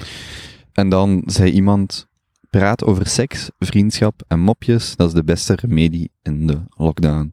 Ik denk dat we zo, ja, ik denk dat we daar wel wat over gepraat hebben. Hebben we over seks gepraat? Nee, we, we moeten nog eens echt een vettige six Ja, en we hebben niet blijkbaar echt... eh, Nee, wij Als- kunnen hier zotte dus verhalen Als. Benjamin zijn verhaal kan vertellen van Teun en Jozef, jij kunt tegen Dan ook nog eens wat vertellen. Weet je wat we eens kunnen doen, hè? We kunnen zo eens echt een opname doen waar dat we wat doorzeveren, maar dat we eerst nog achteraf bekijken of dat die wordt, mag worden uitgezonden. ja, zeker niet, hè, Jan. Zeker als dat, als dat een mogelijkheid is om het niet te doen, dan gaat dat zeker volledig uit het handje lopen, hè. Ja, Jan, ik weet zoveel eh, dingen van jullie. Dat is echt fijn. Maar wij ook van Zo u, Ja, wij ook van u, man. Nee. Ik denk dat, Wij ook van nu, dus. Ik denk dat ik de verhalen die Ik kan hier één verhaal vertellen, hè, waardoor dat echt... waardoor dat jouw podcast Offline. heilig viraal gaat en waarschijnlijk ook offline wordt gehaald. Hmm, Ik was wel net één ding aan het denken. Als je onze naam intikt op YouTube of op Google en bedrijven willen ons, Benjamin of Kobe, die willen ons headhunten of zo, en die zoeken een beetje Mhm. achtergrond op en die luisteren naar onze podcast. Ja, jongen. Wij worden nooit aangenomen, hè. Waarom niet? Omdat wij gewoon belachelijk doen de hele tijd. Ik heb dat niet door. Hmm, Maar ik meen dat. Oké. Niet alleen belachelijk. Nee, maar ja. Wauw. Maar hoe En- beginnen onze podcast meestal? En wilt je zeggen dat iemand die geen podcast opneemt nooit belachelijk doet? Nee, maar niet publiekelijk. snap je? Is dat zo? Heb je als Eurosong bekeken? Maar ik, ja, ja, Maar als, je- als, is dat bij u het eerste dat naar boven komt? maar als ik, als ik met jullie nu een vettige podcast maak en we gaan babbelen. Ja, jij wordt, jij maar- wordt terug kimpies, ik, maar- word, ik, ik, doe, mijn- ik doe mijn ding. style. Als, als dat online komt en mensen willen mij Hmm. ooit boeken voor iets, ja, is gedaan. Wat denk ik nu dan? Of mijn studenten, mijn studenten. Maar, Ja, dat lang verkocht, maar, ja. Hey, wat, wat wil Ja. terug campus worden? Wat wil dat zeggen? Wat denk ik nu? Maar je moet dat niet zo persoonlijk nemen. nee, maar ik, van waar komt dat? Ik vind dat... Omdat jij zo heel... Uh, weet je wat een vetzak dat je Ja, zei? je kunt echt vettig zijn, man. Echt, echt waar. Hier, koning, keizer eh, van het vet, vettigste Ik ga geen voorbeelden geven, maar... Ja, Houd eens op. oké. het Net de houdt laatste dus ronde dan. Maar wacht, maar zit je daar echt wel mee dat je zo het gevoel hebt dat je belachelijk doet? Nee, nee. Maar ik voel dat soms wel. Ja. Ik heb wel gehoord dat Benjamin gaat wel ook zelf een podcast starten. Benny, Benny's Babbels. Of Benny Niet Babbelt. Benny babbelt. Benny Brabbelt, als hij gedronken heeft. Nee, maar je gaat ook een podcast beginnen, hè? Ja, jong, dat is een van de zijprojecten die al Is dat lang in echt mijn of- hoofd... Ja, nee, nee, dat is, serieus. do dat is doodserieus. Waarom? Omdat ik professioneel, laatste, vooral het laatste jaar, heel veel mensen tegenkom waar ik van denk, godverdomme, mij aan zou ik echt eens graag twee, drie uur kunnen doorpraten. Ja. En dat is niet gemakkelijk om dat, dat soort van profielen te vragen als dat niet in een setting is zoals een podcast. En soms stuur ik die dan door naar Kobe, Ja. zoals George, hè, een paar dagen geleden. Maar, eh, en dat is dan leuk, want dan hoor ik, dan hoor ik het eigenlijk ook. Ja. Maar dan nog, Dat is niet is van... kopen kopen. Ja. Het gaat er mij niet om wie dat, wie dat is. Dat interesseert me niks. Eh, want ik zou dat denk ik ook echt niet de tijd hebben om dat heel veel te doen. Het, zou mij, gaat er mij meer over dat ik de kans zou krijgen om te kunnen babbelen en door te en te leren van die mensen. Die jij zelf, Ja. die jij zelf wil En Kobe doet dat echt keigoed. En echt op een manier dat ik waarschijnlijk nooit zal kunnen.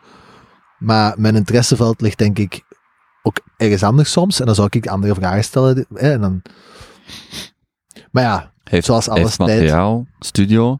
Het enige wat hij moet doen is op opnemen duwen Ja. en met iemand praten. Kijk, De nee, jongen is en- zo succesvol dat hij daar geen tijd voor heeft. Benjamin, ik, ik wil naar u komen als jij dat van mij, als jij dat wilt.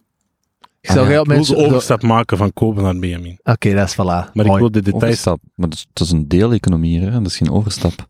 Nee, we moeten economisch blijven denken. En we moeten de juiste investering doen, ecologisch. Misschien moeten wij met twee en u eens interviewen. Oké, Nee, ik denk oké. dat we nu echt moeten afronden. Ehm, waarom, mogen, waarom mogen mensen gasten suggereren voor op je podcast?